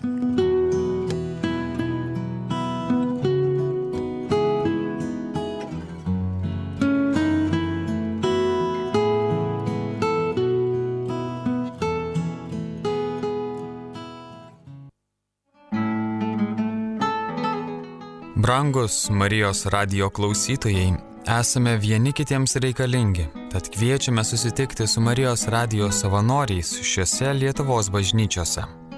Iki Liepos 18 dienos Marijampolėje vyksta didieji palaimintojų Jurgio Matolaičio atlaidai. Marijos radio savanoriai laukia jūsų šventojo Arkangelo Mykolo bazilikos gale. Liepos 18 dieną sekmadienį Krekenavos švenčiausiosios mergelės Marijos ėmimo į dangų bazilikoje, kur vyks altoriaus konsekracijos iškilmės. Ukmergės šventųjų apaštalų Petro ir Povilo bažnyčioje, Kernavės švenčiausiosios mergelės Marijos škaplierinės bažnyčioje, kur vyks škaplierinės atlaidai bei garbingojo prelato Česlavo Krivaičio šimtųjų gimimo metinių minėjimas taip pat Musninkų, Širvintų rajone švenčiausiosios trejybės bažnyčioje, Linkuvos švenčiausiosios mergelės Marijos škaplierinės bažnyčioje, kur vyks tituliniai atlaidai.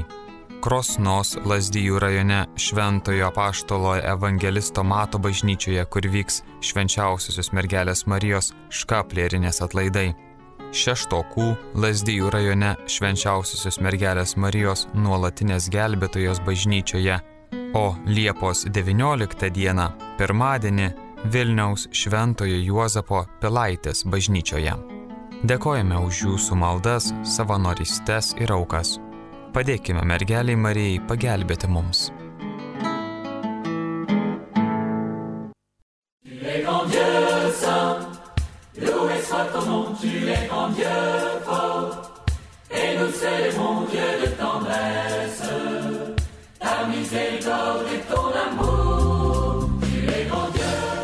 Pokalbių laida Klausk drąsiai.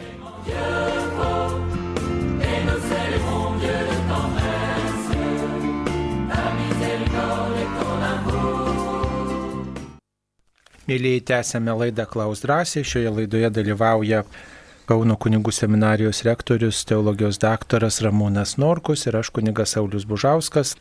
Čia Antanas klausia, kas yra kontreformacinė katalikybė. Taigi, mielas mano Antanai, galite e, apie tai paskaityti, pavyzdžiui, tokioje knygoje George Weigel evangelinė katalikybė ir ten yra taip pat ir apie kontrreformacinę katalikybę rašoma. O šiaip pasakysime, kad tai, e, kai kilo reformacijos judėjimas 16 e, amžiuje, buvo toks užmojis vis dėlto katalikų bažnyčioje taip pat pabrėžti tai, kas katalikams yra brangu, kas yra svarbu. Tai yra pabrėžti kelis dalykus. Visų pirma, pamaldumą E, švenčiausiai mergeliai Marijai, pamaldumą šventiesiems, taip pat pamaldumą į švenčiausią Jėzaus širdį ir taip pat eucharistinį pamaldumą. E, tai yra katalikų bažnyčios e, na, tokie vat, ženklai, kurie na, ypatingai branginami e, ir išreiškia mūsų tikėjimą. Tai tų praktikavimas šitų dalykų ir štai buvo kaip kontrreformacinės katalikybės tokie ženklai. Taip trumpai atsakytume.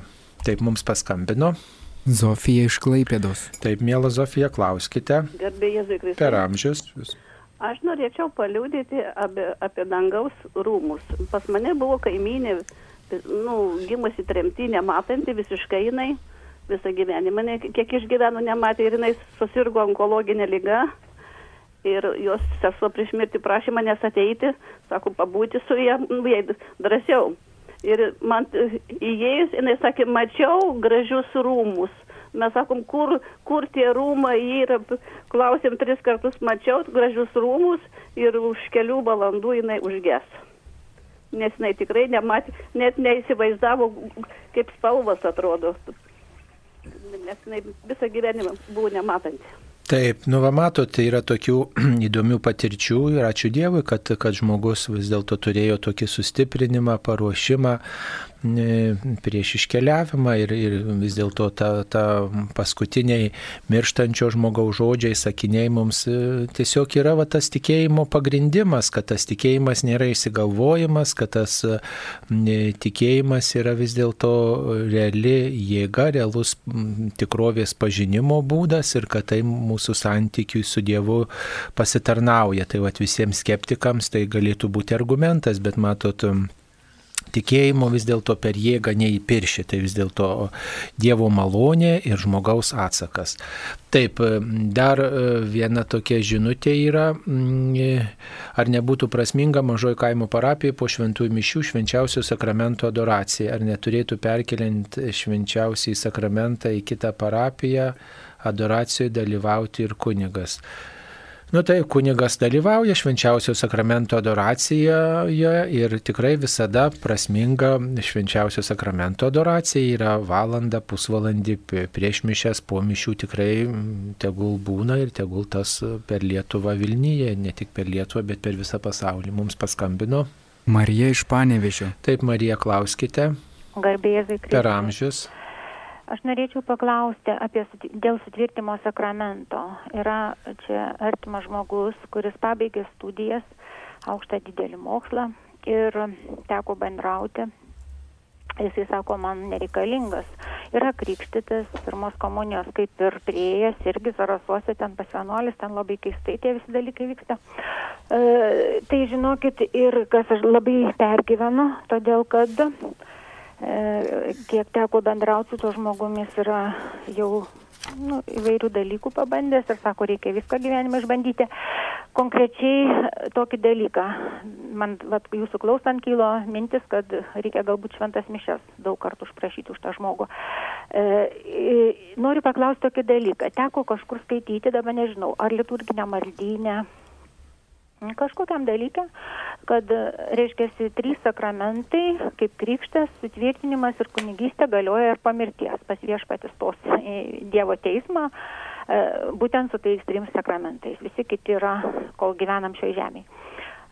Dabar ar iš tikrųjų tai tiesa ir ar žmogus, kuris neprie sutvirtinimo sakramento, gali eiti iš pažinties, aš manau, kad gali, bet e, turbūt švenčiausio sakramento negali priimti. Ir labai skauda, ir labai skauda, kad šis žmogus praranda labai daug laiko ir, ir labai daug malonių, nes iš tikrųjų sutvirtinimas sakramentas tai šventosios dvasios teikimas, kuris duoda begalinį daug malonių. Taip supratom jūsų klausimą, taip žmogus nepriėmė sutvirtinimo sakramento, gali eiti iš pažinties ir priimti šventąją komuniją. Va, tai komuniją priimame e, tie, kurie ištyrėm savo sąžinę ir jeigu ten e, yra nuodėmė, einam iš pažinties, jeigu nėra nuodėmių, matom, kad yra smulkios ir lengvos arba neseniai buvau tenai ir nėra nieko sunkaus, tai tada atsiprašau ir einu iš pažinties. O sutvirtinimo sakramento tikrai mm, gali žmogus priimti, pasiekti pasiruošti ir, ir net ir suaugę, net ir pagyvenę žmonės sutvirtinimo sakramentui ruošiasi. Tiesiog reikia kreiptis į savos parapijos kleboną e, ar į kokią bendruomenę, vienuolinę bendruomenę ir ji padės pasiruošti. Va. O kaip galioja po mirties, nu, tai sakramentai pirmiausiai skiriami mūsų šiam, šiai kelioniai. Tai yra Dievo maloniai ženklai šioj kelioniai patirti viešpaties artumą per regimus ženklus. Dievo malonė mus aplanko, Dievo pagalba, palaikymas, Dievo artumą per šitą, šitus ženklus išgyvename ir tokiu būdu ruošiamės sustikti viešpatį. Tai e, matot, sutvirtinimo sakramentas tarsi užbaigia į krikščioninimo tokį procesą kada tas e, krikščionis tiesiog sąmoningai apsisprendžia už Kristų ir priima tą tokį šventosios dvasios ženklą, e, tiesiog būti Kristaus skelbėjų, gynėjų, sąmoningai už tai apsisprendžia ir bažnyčia tą patvirtina ir, ir jo tą samoningumą palydė šventosios dvasios dovana. Tai, mm, tai, tai šitaip ir, ir, ir prieš Dievą krikščionės tikriausiai bus vienai vertinami, o tie, kurie nekrikščionės, tai viešpats kitaip juos, juos, juos žvelgs, nes matot, krikščionių ir yra reikalavimas, kiek tu sėkiai Kristumi, kiek tu pagal Kristų gyvenai. Jeigu tu buvai bažnyčios narys, ar tu taip ir gyvenai, kaip ta bažnyčia moko, va, jeigu tu nebuvai krikščionis, jeigu tau ta krikščionybė nebuvo svarbi, tai tada tu klausai savo sąžinės, kiek, kiek tu siekiai tiesos, nu, va, viešpats pažiūrės į kiekvieną labai savitai pagal jo gyvenimo kelią atsižvelgsi į galimybės, kurias atmetėjai ir viešpats įvertins, gal e, žmogus nesutiko to, kas įkviestų, paragintų, kas, kas teiktų tinkamą liūdėjimą, gal sutiko labai priešiškai nusiteikusių krikščionių, kurie jį papiktino, tai viešpačiui visą tai, žinot, yra žinoma ir tikrai vertins kiekvieną asmeniškai. O, o, o šiaip aišku, kad tie sakramentai visi mus palydės kažkaip į amžinybę. E, visi jie turi reikšmę ne tik šiam gyvenimui, bet ir amžinybei. Na, pavyzdžiui, kad ir tas santoko sakramentas, jis priimamas e, šiam gyvenimui, bet vis tiek tai duoda malonę, įsipareigojimą rūpintis kitų žmogumi ir tas rūpestis kitų žmogumi jis vis tiek kažkokį atšvaitą turi ir ten amžinybė, negalim taip sakyti. Taip jisai ten tenai neturi to reikšmingumo, nes mes ten nebūsim šeimomis, čia mano šeima ir, ir, reiškia, ir kitos šeimos ten kitur, mes visi būsim kaip broliai ir seserys, nes ir šventam rašte apie tai pasakyta, kad nei ves, nei tekės, bet bus kaip angelai danguje. Tai va, tai, bet, bet tas reiškia, kaip aš gyvenau, ar pagal tą sakramentą, ar jis man buvo svarbus, ar įvertinau, tai viešpats tikrai, e, tikrai manau, kad atsižvelgs į šitą ir bažnyčia moko kad visi tie sakramentai yra reikšmingi ir mus ruošia susitikti Dievą veidas į veidą. Tai ne vieno sakramento negalim nureikšminti kažkaip, nubraukti, visi jie turi savitą tokią misiją mūsų gyvenimo pašventinimui. Džiaugiuosi, kad jūs, mėla ponė, turite tokią mintį ir šventosiomis mišiomis melstis už, už tą žmogų, tai paliudyja jūsų irgi didelę meilę. O šventoji dvasia sutvirtinimo sakramento metu, kurie ateina į mus, ji tiesiog pagilina visas tas malonės, kurias mes esame gavę per krikštą. Įsišaknyja mumise ir turi neišdildomą charakterį. charakterį. Tokiu būdu mus labiau vienyje su Kristumi, mes mažiau klaidžiojam, e, labiau žinom tą orientyrą. Šventosios dvasios dovanų būname pripildomi per sutvirtinimo sakramentą, o jų tikrai gyvenime reikia ir išminties, ir kantrybės, ir pamaldumo. Ir tuo pačiu metu šventoji dvasia mūsų vienyje ir su pačia bažnyčia, su pačia bendruomenė, iš kurios mes tikėjimą esam paveldėję ir kuriai po to irgi perduosime. Taigi ypatinga turi šventosios dvasios e, jėga, naudą mūsų dvasiniam gyvenimui. Tada mes pradedam labiau ir žodžiais liudyti, ir darbais, ir mūsų tikėjimas gilėja, nes toji šventoji dvasia jį ir paragina eiti kur nors, susirasti kokią knygą, kažko paklausti, pagilinti, pasiklausyti Marijos radijo galų gale ar dar kaip. Visa tai yra šventosios dvasios paraginimai, paskatinimai, malonės, dovanos. Tai tikrai šventoji dvasia ir sutvirtinimo sakramentas vaidina mūsų gyvenime labai didelę reikšmę. Taip, dar vienas klausimas. Prašau paaiškinti, kodėl Juozapas norėjo atleisti Mariją, kad nedarytų jai nešlovės.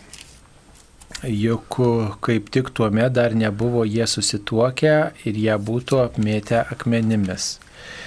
E, Juozapas norėjo atleisti Mariją, norėdamas nedaryti jai nešlovės todėl, kad E, tas gyvenimas su svetimu vaikeliu nu, turbūt būtų atnešę daug tokio e, vis dėlto, e, na, tokio, kaip sakant, negarbės. Ir apskritai Juozapas turbūt buvo perspėtas angelo perspėtas angelo, padrasintas, kad e, globotų Mariją ir kad prisijimtų visus įsipareigojimus to vaikelio atžvilgiu. Va, o toks Dievo planas buvo. Taip, apie visą e, Juozapo ir mergelės Marijos e, susitikimą mes žinome iš šventojo rašto ir truputį pagilina mūsų žinias Jokūbo evangel... proto evangelija, kurioje ir būtent kalba, kaip Juozapas atsidūrė toje šventykloje, kurioje buvo jam patikėta mergelės Marijos globa. Ir žinoma, kada iki santokos, iki vestuvių e, mergina pradeda, e, nu, laukėsi kūdikio ir dar Juozapas sako, kad aš nu, nieko čia dėtas, net nebuvau su ją, tai žinoma būtų mergeliai Marijai kaip nu, didelė nuodėmė priskaityta. Ir Šiaip istorikai ir biblistai sako, kad taip nelabai jau tai būdavo, kad visus ten ir užmušinėdavo akmenėmis, bet tokią turėjo jie taisyklę, tokį, tokį savo raštuose normą, kad būtų labai didžiulė buvusi rizika ir negarbė visai Onos ir Joakimo šeimai. Tai Juozapas priimdamas ją į savo namus, jis priima visą kas su ja vyksta, nes jis paklūsta viešpaties angelo paraginimui, tai yra viešpaties Dievo valiai. Ir tai atneša ir jiems išgelbėjimą, ir visam pasauliu išgelbėjimą. Tai va paklusimas Dievo valiai, kad ir koks jis bebūtų sunkus vienu ar kitu momentu, bet jis visuomet yra išganingas. Taip mums paskambino Juozas iš Kauno. Taip, Juozai, klauskite. Per amžius. Taip, aš norėjau paklausti dėl septinto Dievo įsakymo. Na, sakykime, žinot, na, tokį kaip pavyzdį duosiu. Sakykime, vairuotojas dirbo ir savo laiku galima buvo, sakykime, na, kaip čia vaizdžiai pasakius, pasisavinti ten dyzelino ar, ar benzino parsinešti namo, žinot, kaip sakoma, bako įsitraukt buvo laikai galima viską. Na, dabar, reiškia, aš neinu, galėsim prie klausyklos ir pasakau kunigui, kad nusidėjausi tam Dievo įsakymui ir čia viskas. Bet tai pagal viską aš tai turėčiau, kaip sakoma, atsiskaityti, gražinti, susitaikyti su tuo, kam aš padariau žalą ar aš ten kokį dviratį pavogiau, sakykime, jam gražinti, toliau tai kaip prie klausyklos, ar taip, ir aš pasakysiu, kunigui jis man atleis ir aš jau viskas patenkinęs neinu nuo klausyklos. Tai čia turėtų būti iš tikrųjų. Ačiū Jums. Taip ir katekizmas mus moko, kad e, įvykus vagystiai e, reikia atitaisyti skriaudą. Ir e, nėra taip, kaip pat jūsų, mielas klausytojau, teisingai sakote, pasivogiau, ar tai dizeliną įsipyliau, su mašina pasivažinėjau, kaip aš jį dabar ištrauksiu, aš ten jam nebe, nebeatiduosiu. Tai ką man dabar daryti, mano nuodėmė bus atleista ar ne? Ne visada materialiai eina atlyginti arba atiduoti būtent šitą daiktą, bet reikia taip pasistengti, kad tas žmogus, kuris patyrė šitą skriaudą, jam būtų kokiu tai būdu atlyginta. Yra buvę tokių atvejų, kad, nu kaip ir jūs apie tą dviratį, kad užsiminėt, jeigu žmogus pasiima dviratį ir sako, nu kaip aš dabar nunešiu, nuvešiu jam atiduoti, gi aš ant viso kaimo dabar e, būsiu linksniuojamas, kad būtent aš paėmiau. Tai žmogus sugalvojo, kad taip palikti nakties metu tą dviratį, kad tas žmogus, iš kurio buvo jisai pavoktas, jį ir rado. Tai tuo momentu, kai vogė arba kai jisai buvo sužavėtas tuo dviračiu, buvo matyti tokia va silpna, uh, silpna, silpnas momentas, kad žmogus ir nusprendė jį pasisavinti. Arba jeigu, kaip sako, pavogiau obolį, suvalgiau, į ką man dabar daryti. Aišku, obolys yra maža vertė, bet kai kurie dalykai yra, kur neina atlyginti, tad arba tam žmogui reikia kažkokiu būdu sugalvoti per maldą, viešpaties paprašant išminties atlyginti arba iš savęs padaryti tokią auką, na, kokiam labai kilniam tikslui. Buvo kas nors parsinešę kokį tai senais laikais, gal kokiais tarybiniais laikais, kokį maišą grūdų ir pergyvena iki šios dienos, kam aš įnešiau tą maišą grūdų.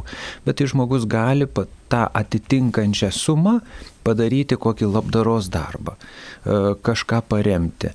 Ir Ir tikrai žmogus iš savęs, jisai irgi, iš savęs mes esame kiekvienas e, kviečiami vienas kitam padėti, o ne vienas kitas kriausti. Tai tas Dievo įsakymas, jisai turi tokį vat atspalvį, apie kurį jūs ir kalbėjote. Taip, kaip man tikinčiajam žiūrėti į netikinčiuosius ar vengti bendravimo su jais. Vengti bendravimo nereikėtų, e, o žvelgti kaip į Dievo vaikus, kurie e, savitų metu atras tikriausiai tikėjimą. Matot, kiekvienam netikinčiajam grėsia tikėjimas, kaip ir kiekvienam tikinčiajam grėsia netikėjimas, jeigu mes tikėjimo nepuoselėsim, negilinsim, tai galime ir nutolti nuo Dievo, o tas tikinti žmogus bet kada jisai gali viešpatį atrasti. Tai reikia tik tai išlaikyti turbūt savo tapatybę, bendraujant su tokiais žmonėmis. Tai yra daugybė klausimų, e, su kuriuos varstydami mes galime sutarti su tais netikinčiais žmonėmis. Tai čia taip pat sakytume. Taip, su netikinčiu žmogumi visuomet arba netgi su kitų religijų žmonėmis e, reikia visuomet ieškoti bendra žmogiškų temų, bendra žmogiškų klausimų, kurio, kuriais galime prisidėti ir vieni, ir kiti. Kaip žinoti, kad žmogus gyveni teisingą gyvenimą ir kad eini teisingų kelių? Klausyti sąžinės, klausyti sąžinės, dorovės ir moralės dalykuose, e, klausomės bažnyčios mokymo, va, e, tikėjimo klausimais. E, tai bažnyčia, bažnyčios mokymas yra Kristaus mokymas ir, ir žiūrėkit, ar jūsų gyvenimas atitinka bažnyčios mokymą, bažnyčios kelbiamą tiesą, ar gyvenat pagal Dievo įsakymus, ar tikrai jūsų sąžinė rami ir žinot žinosite. Mums paskambino. Ona iš Alitaus. Taip, onute, klauskite. Klauskite jūs eterį, onute. Ką? Klauskite jūs eteryje, klauskite. Jūs noriu paprašyti paaiškinti. Klausimas buvo pro Šventą Juozapą, kaip norėjo Mariją palisti. Buvo, tai, ne, tai yra dvigbelis Evangelijos klaida išrašta. Jeigu jis Bersandrinas būtų norėjęs palikti, nebūtų paliktas, jis būtų pasiėmęs. Ką būtų Marija pasakiusi žmonėms, kaip ji būtų įsiteisinusi. Klausimas va šitos, man niekaip neveda į galvą. Jie būtų akmenimis užmušę tuoj. Nu tai matot, taip, supratom, kaip būtų, jei būtų, tai mes taip negalim svarstyti. Mes tik tai svarstome taip, kaip yra užrašyta. Jeigu šventam rašte skaitome, kad Juozapas svarstė Mariją atleisti, su Marija neturėti nieko bendra, nes jis laukėsi vaikelio, jeigu jis ją priims, kaip čia atrodys, štai jis, jis nieko čia dėtas, o Marija laukėsi, tai bus, jeigu tai paaiškės, tai, tai visi kreivai žiūrės į tą Juozapą ir, ir taip pat Marija apkaltins svetimavimu, vat, e, e, tiesiog Juozapas nenorėjo tos vis, tuo metu visuomenės tokio apkalbų ir pasmerkimo, reiškia, ir, ir, ir, ir tokio netinkamo požiūrio į, į, į Mariją ir tikriausiai į savo paties gyvenimą. Tai, tai jisai parsivedė Mariją į namus padrasintas, kad tu nebijok Mariją parsivesti, nes jos vaisius yra ypatingas ir tipo, va tai svarbiausia yra, kad ji laukėsi dieviško vaikelio, visa kita tai neturi jokios absoliučiai reikšmės. Taip ir buvo. Nu tai va, mes taip ir priimam, kad nu, tai yra kažkoks neįtikėtinas dalykas, kad Marija pastojo ir liko mergelė, pagimdė, liko mergelė ir per amžius yra mergelė, tai yra mūsų protų nesuvokiamas dalykas kaip ir prisikėlimas iš numirusių, kaip ir Kristaus pasilikimas švenčiausiam sakramente, visas Kristus yra nesuvokiamas dalykas, daugybė protų nepriepiamų dalykų, bet čia yra pasitikėjimas Dievo pažadu, kad Dievui nėra neįmanomų dalykų, o, o žmogiškų protų visko neįminsime, žinokit, tai va ir yra tas tikėjimas, aš pasitikiu, priimu, kad tai yra teisinga informacija, priimu, kad už to stovi Dievas, kad Dievas net ir keistus dalykus e, priima man atrodančius keistus dalykus priima kaip normalius, nes jo matymas kitoks, jo logika yra gilesnė ir kitokia. Žinot, tai va ir yra, kad aš pasikliauju Dievu. Nu tai kaip vaikas nesupranta nesupranta, kaip tas tėtis automobilį vairuoja, kaip vaikas nesupranta, kaip mama tuos blynus pagamina. Va, nu nesupranta vaikas, bet vaikas tiki, mama, tėti, pasitikiu jumis, man jūs brangus, va, paprašiau blynai bus, paprašiau tėtis dviratį suremontavo ir žiūrėk, sulūžęs dviratis vėl rėda, nežinau kaip jis tą padarė, bet jis padarė, vaikas sėda, važiuoja ir džiaugiasi, kad turi mamą, tėtį ir laimingai. Tai ir mes taip, va, priimkim Dievas kaip mylintis tėtis ir mama gera, milijoną kartų dar padauginus. Ir nesuprasit niekada šito gyvenime, kodėl Juozapas priemi tą Mariją. Nu, padrasino, turėjo kažkokią Dievo patirtį, kodėl Marija taip priemi tą vaikelį, kodėl pasakė taip. Nu, pasakė, nes jinai vat, pasitikėjo Dievu ir, ir tapo neščia, o, o kodėl jinme vis dėlto mergelė, nu čia yra paslaptis ir dangui nukeliausim, paklausim, tenai mergelė Marija, kaip čia taip atsitiko, nesuprantu, paaiškink, prašau, sėskis ir išaiškink. Nu tai va, tai priimkim, kad čia yra Dievo darbai. Dievo darbai, neįtikėtini dalykai virsta įmanomais. Ar jūsų gyvenime nebuvo neįmanomų dalykų įsipildymo? Buvo, kad atrodė neįmanomas dalykas, kad tai būtų, o žiūrėkime ir atsitiko. Nu ir va, ir jums įrodymas, kad stebuklai būna. Tai ir čia stebuklas yra toksai neįtikėtinas dalykas. Mes, katalikai, tikim stebuklais, kad gali būti neįmanomas dalykas, o įmanomu versti. Nes Dievas tai dalyvauja mūsų istorijoje ir dalyvauja visą laiką, ne tik tai seniau, bet ir dabar. Tai va. Kaip žiūrite į plokščio žemės teorijos šalininkus, ar tai tikrai yra kvailystės, ar pradžios knygoje ir kitur apie tai klydo, gal esame apgaudinėjami dabartinio mokslo. Nu, Tai matot, reikia suprasti, kad žmonės anksčiau vadovavosi turbūt vienais kriterijais, jie suprato ir tą pasaulį kitaip, mes dabar suprantame, aha, pasaulis tai čia visi žemynai, kurie, kuriuose buvau, nebuvau, kuriuose, kurie tenais gyvenami, negyvenami ir ten, kur yra tikėjimas, nėra tikėjimo, va ir tai pasaulis, kaip jis atrodo iš kosmoso, čia nuotraukos, viskas mes taip suprantam. Anksčiau žmonės suprato pasaulį tiek, kiek jie apkeliavę, kiek kiek jie pažįsta, kiek jie žino.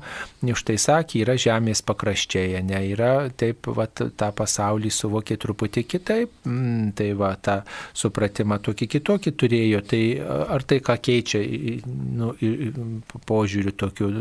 Po kiek metų dar kitaip mokslininkai pasakys. Kai čia panašiai, žinot, kaip lašiniai. Vieni sakė kenksminga, mokslininkai įrodė, kiti sakė naudinga, mokslininkai įrodė, dar po kiek metų dar kitaip įrodys. Nu, tai, žinot, žinot, yra argumentai vienų vienokie, kitų kitokie, bet e, mes, mums svarbi, žinot, yra ta tiesa, kuri keičia mano gyvenimą, kuri keičia mano santyki su kitu žmogumi ir su Dievu. Vat į tai reikia kreipti dėmesį. Svarbu žinoti, kad pasaulis yra e, sukurtas viešpaties, kad jis yra pradžia šito pasaulio ir kad e, tas pasaulis sukurtas dėl manęs. Ar jis plokščias, ar apvalus, nu iš esmės ką tai keičia, mėly mano. Nu ką tai keičia? Man atrodo, kad nelabai ką keičia. Mano tikėjimo kelionė, mano išganimo kelionė, žmonijos išganimo kelionė. Čia yra tokie, žinot, kartais ir, ir, ir mūsų čia šitose laidose svarstomi klausimai mūsų smalsumai patenkinti. O reiktų mums daugiau gal orientuotis į tuos klausimus, kurie reikšmingi mano išgelbėjimui, kitų žmogaus išgelbėjimui, mūsų santykiams. Mes turėtume apie tai svarstyti, kaip pagerinti mūsų tarpusavio santykius, kad mes būtume labiau broliais, kaip ir popiežius parašė encikliką Fratelli Tuti, visi e, žmonės broliai.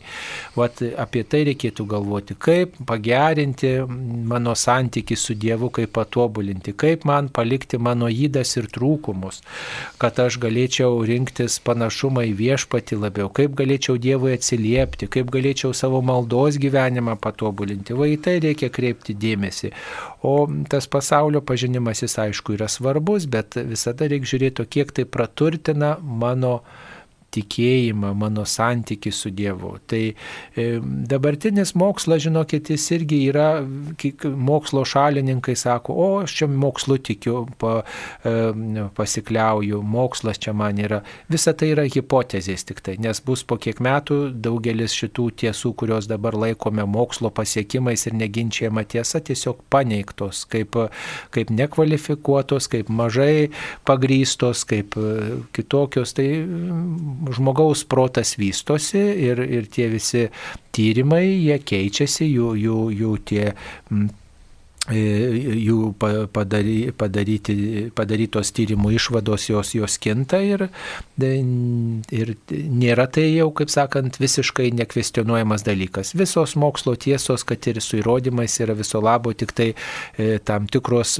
daugiau ar mažiau pagrystos hipotezės. Taip kad kai žmogus sako, kad aš mokslą priimu tik tai ir tai yra kitas kultas tiesiog, ne į Dievo vietą statomas protas protas, kuris vis dėlto, na, ne visada vis dėlto gali būti tuo pagrindiniu mūsų kriterijumi vis dėlto. Taip, e, mums e, paskambino. Danutė iš druskininkų. Taip, Danutė, klauskite. Labą dieną. Labą dieną. Pasilgau ištart labą dieną. Dabar, žinot, e, va, dabar prieš čia taip pa, žmogus pas, kalbėjo apie vagystę. Taip. Ir žinot, aš irgi gyvenime buvau vieną kartą vagis. ir kaip, nuėjom, nugirdom su sesute, man galbūt trys, jai vieneri, vos vos nušvežim, kad teta tai jau e, išvažiavo, mes nuėjom į e, jos daržą. Ir ką, aš kai dabar matau tuos du agurkus į sterblę. Ir berniukas ten buvo pas, paslėptas, kad uh, išliktų jis tėvų, tėvai jau Sibirė buvo.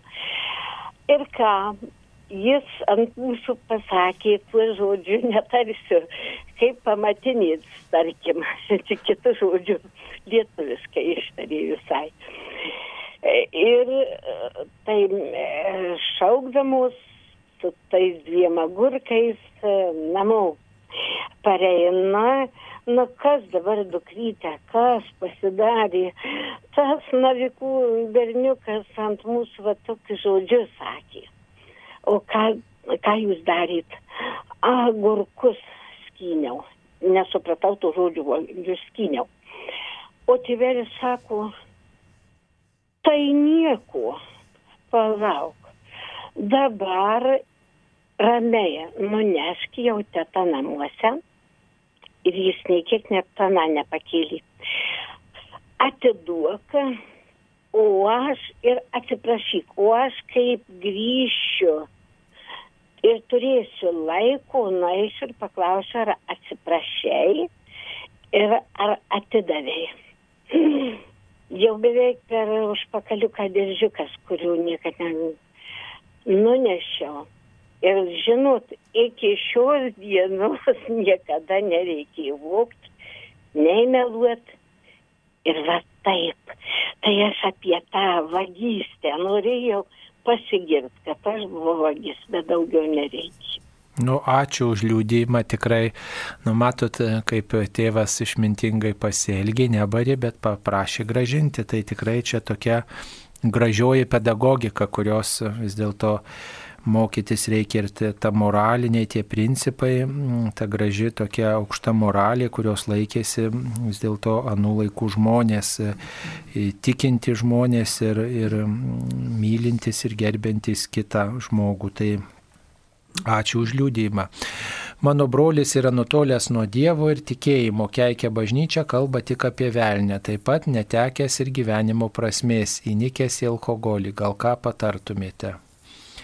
Na ką galima patarti, tai visų pirma, jūs uoliai melskitės už e, savo brolį, tiesiog jo vardą ištarkite, kai dalyvaujate šventose mišiuose, kai melžiatės kasdienės maldas, galbūt e, ir užprašykite šventasias mišes už jį, e, kad kunigas pasimelstų ir jūs dalyvautumėte, galbūt yra, pavyzdžiui, kokia proga, jo gimtadienis ar jo vardinės ir tada jį pakviesti, gal jis ateis bažnyčion, jeigu ir neteiste būna tos mišios už jį. Na, na, e, aišku, žmogui reikėtų vis lankyti, bendrauti su juo, kalbėtis. Galbūt yra tokia laida per Marijos radiją Dievas gydo trečiadieniais 10 val. kur kalba anoniminiai alkoholikai ir, ir visokių priklausomybių turinti žmonės liūdija. Galbūt štai, nu, kad ir žmogus gal raukysis ar ką, bet vat, gal paklausys, gal kažkas širdį suklibės. Tai mm, e, galbūt galėtų vat, parapijos kunigas aplankyti jį. Nu, kartai, žinot, taip sakant, tas paprastas pokalbis ar malda už žmogų, ar namų palaiminimas, ar dar kažką ką nubeldžiasi į žmogaus širdį, kas žino, e, kas bus tas akmenėlis, kuris e, štai privers žmogų nusipurtyti, kas ta dulkė bus, kuri žmogų, e, žmogui bus tas akstinas vis dėlto pasikeisti, nusikratyti tų senų, senų įpročių. Va, jeigu žmogus kalba dažnai apie velnę, keikia bažnyčią, na, kas galėtų paneigti, galbūt tai yra ir piktojo varginimas, tai galbūt reikėtų e, pasitarti su kunigu ir pakalbėti ir tada parapijos kunigas galbūt dar išsamesnių patarimų duos. Ar pas egzorcistą žmogų nukreips ar panašiai, bet pats žmogus turi norėti keistis. Matot, mes lengviausiai galim keisti tai tik save save keisti, ne? Kito žmogaus mes nepakeisim. Pats tas kitas žmogus turi norėti keistis. Mes tik tai galime būti šalia, išreikšti savo troškimą, melstis, linkėti gerą ir tiesiog būti tais tokiais angelais sargais, kurie nu nepaliaujamai šalia to žmogaus ištveria visus sunkumus, piknaudžiavimus, visą, bet jie vat yra tie angelai sargai, kurie galbūt e, rūpinasi, kad tas žmogus visiškai nenugarmėtų į savo pykčio, blogio tokį liūną, kurie reiškia štai Va beldžiai to žmogaus sąžinė ir to žmogaus širdį tikriausiai irgi kova vyksta tokiu būdu. Į, va, ir tik amžinybėje pamatysit, kiek daug savo kantrybę, savo meilę, savo gerumu, savo rūpeščių jūs padarėte tam žmogui. Žodžiu, nuolat kviesti žmogų, kalbinti, vat, būti tuo tokiu bendradarbiu, ne priešininku. Tiesiog vat, priminti galbūt, kad jūsų tėveliai, pavyzdžiui, bažnyčios nekeikė, kad jūsų tėveliai buvo kito nusistatymo. Kitaip sakant, galbūt reikia žmogui remtis jo autoritetais, kas jam yra brangu, kas jam yra svarbu ir tokiu būdu būdinti jo sąžinę, būdinti jo sąžinę, kad žmogus bent mirties akivaizdoje gailėtų melstųsi, prisimintų Dievą ir, ir, ir nu, ne, nepražūtų, taip sakant, sukildamas prieš kitus, prieš viešpatį ir šaukdamasis piktojo. Tai, tai, tai taip um, jums patartume. Tie visi dalykai, apie ką jūs kalbėjote, mėla klausytoja, kad ir, ir, ir pyksta, ir keikia, ir geria žmogus, yra tiesiog padariniai, arba kaip sakyti, išdava kažko, kas yra giliai širdyje. Čia būtų didžiulis laimėjimas, jeigu kažkokiu būdu, koksai tai žmogus ar kaip tai išsikalbėtų su juo, pasikalbėtų, kas atsitiko, gal nusivylė, gal jisai turėjo kitų planų, nepavyko, arba jį kažkas įskaudino, arba, nu nežinau, kažkas yra širdies gelmėje, kas išspinduliuoja pyktį, pykčio pats nepakelia, tad bando gerti galvoj užsimiršiu, bet ir tas nepadeda. Ir taip žmogus tada tikrai įbrenda į tokią e, akladobę arba tokią tamsą, kur, vat, kaip jūs kad sakėt, nu nenoriu aš net gyventi, man tas pasaulis yra nu, nemielas. Tai vat, kaip jam su, su juo, čia reikėtų ir, ir per maldą, ir, ir, ir pasitarti, gal net su kokiu gal psichologu ar kaip, kaip reikėtų iki žmogaus širdies gelmės prisikapstyti, gal jis prisileistų, gal jis kažką iš vaikystės turi, kokį didelį skaudinimą, įžeidimą, kurio nu pats žmogus nepakelia. Tai šiaip sako, kad vyrai šiaip savo negeria, taip jau, kai, kai, kad nuolat gertų. Kažkas yra. Tai tikrai melskimės ir mes prašykime, kad šventoji dvasia duotų mums tos išminties, begalinės kantrybės ir tos progos, kada būtų galima pabandyti su juo pasikalbėti ir jis truputį pats pagalvotų, o iš kur visa tai pareina, kur šaknis viso to yra. Taip, ir dar paskutinis klausimas čia apie vedusių vyrų diekonatą. Ar būtinai turi būti vedę šeimos vyrai diekonais, o gal jaunuoliai dorai gyvenantis, kiek trunka tas diekonystės mokslas? Taip turi būti būtinai vedę, tie, kurie nori būti amžinais nuolatiniais diakonais, jie turi būti vedę, nes tai, tai parodo žmogaus brandą, nusistatymą, kad jis jau štai šiame pašaukime yra įsipareigojęs ir vad bažnyčiai nori dar e, tarnauti tokiu būdu. E, dažniausiai taip yra. Va. Ir kiek tas mokslas trunka, na tai trunka keletą metų, e, kokius ketverius, penkerius metus reikėtų kreiptis į savos viskupijos vyskupą ir apie tai kalbėtis. Tai tiek atsakėme, tiek suspėjome atsakyti į šioje laidoje atsiustus klausimus. Šioje laidoje dalyvavo Kauno kunigų seminarijos rektorius Ramūnas Norkus, taip pat ir aš kunigas Saulis Bužauskas. Būkite palaiminti, viešpats te globoja jūs ir jūsų artimuosius. Ačiū sudė. Melskamės už pašaukimus. Su Dievu. Su Dievu.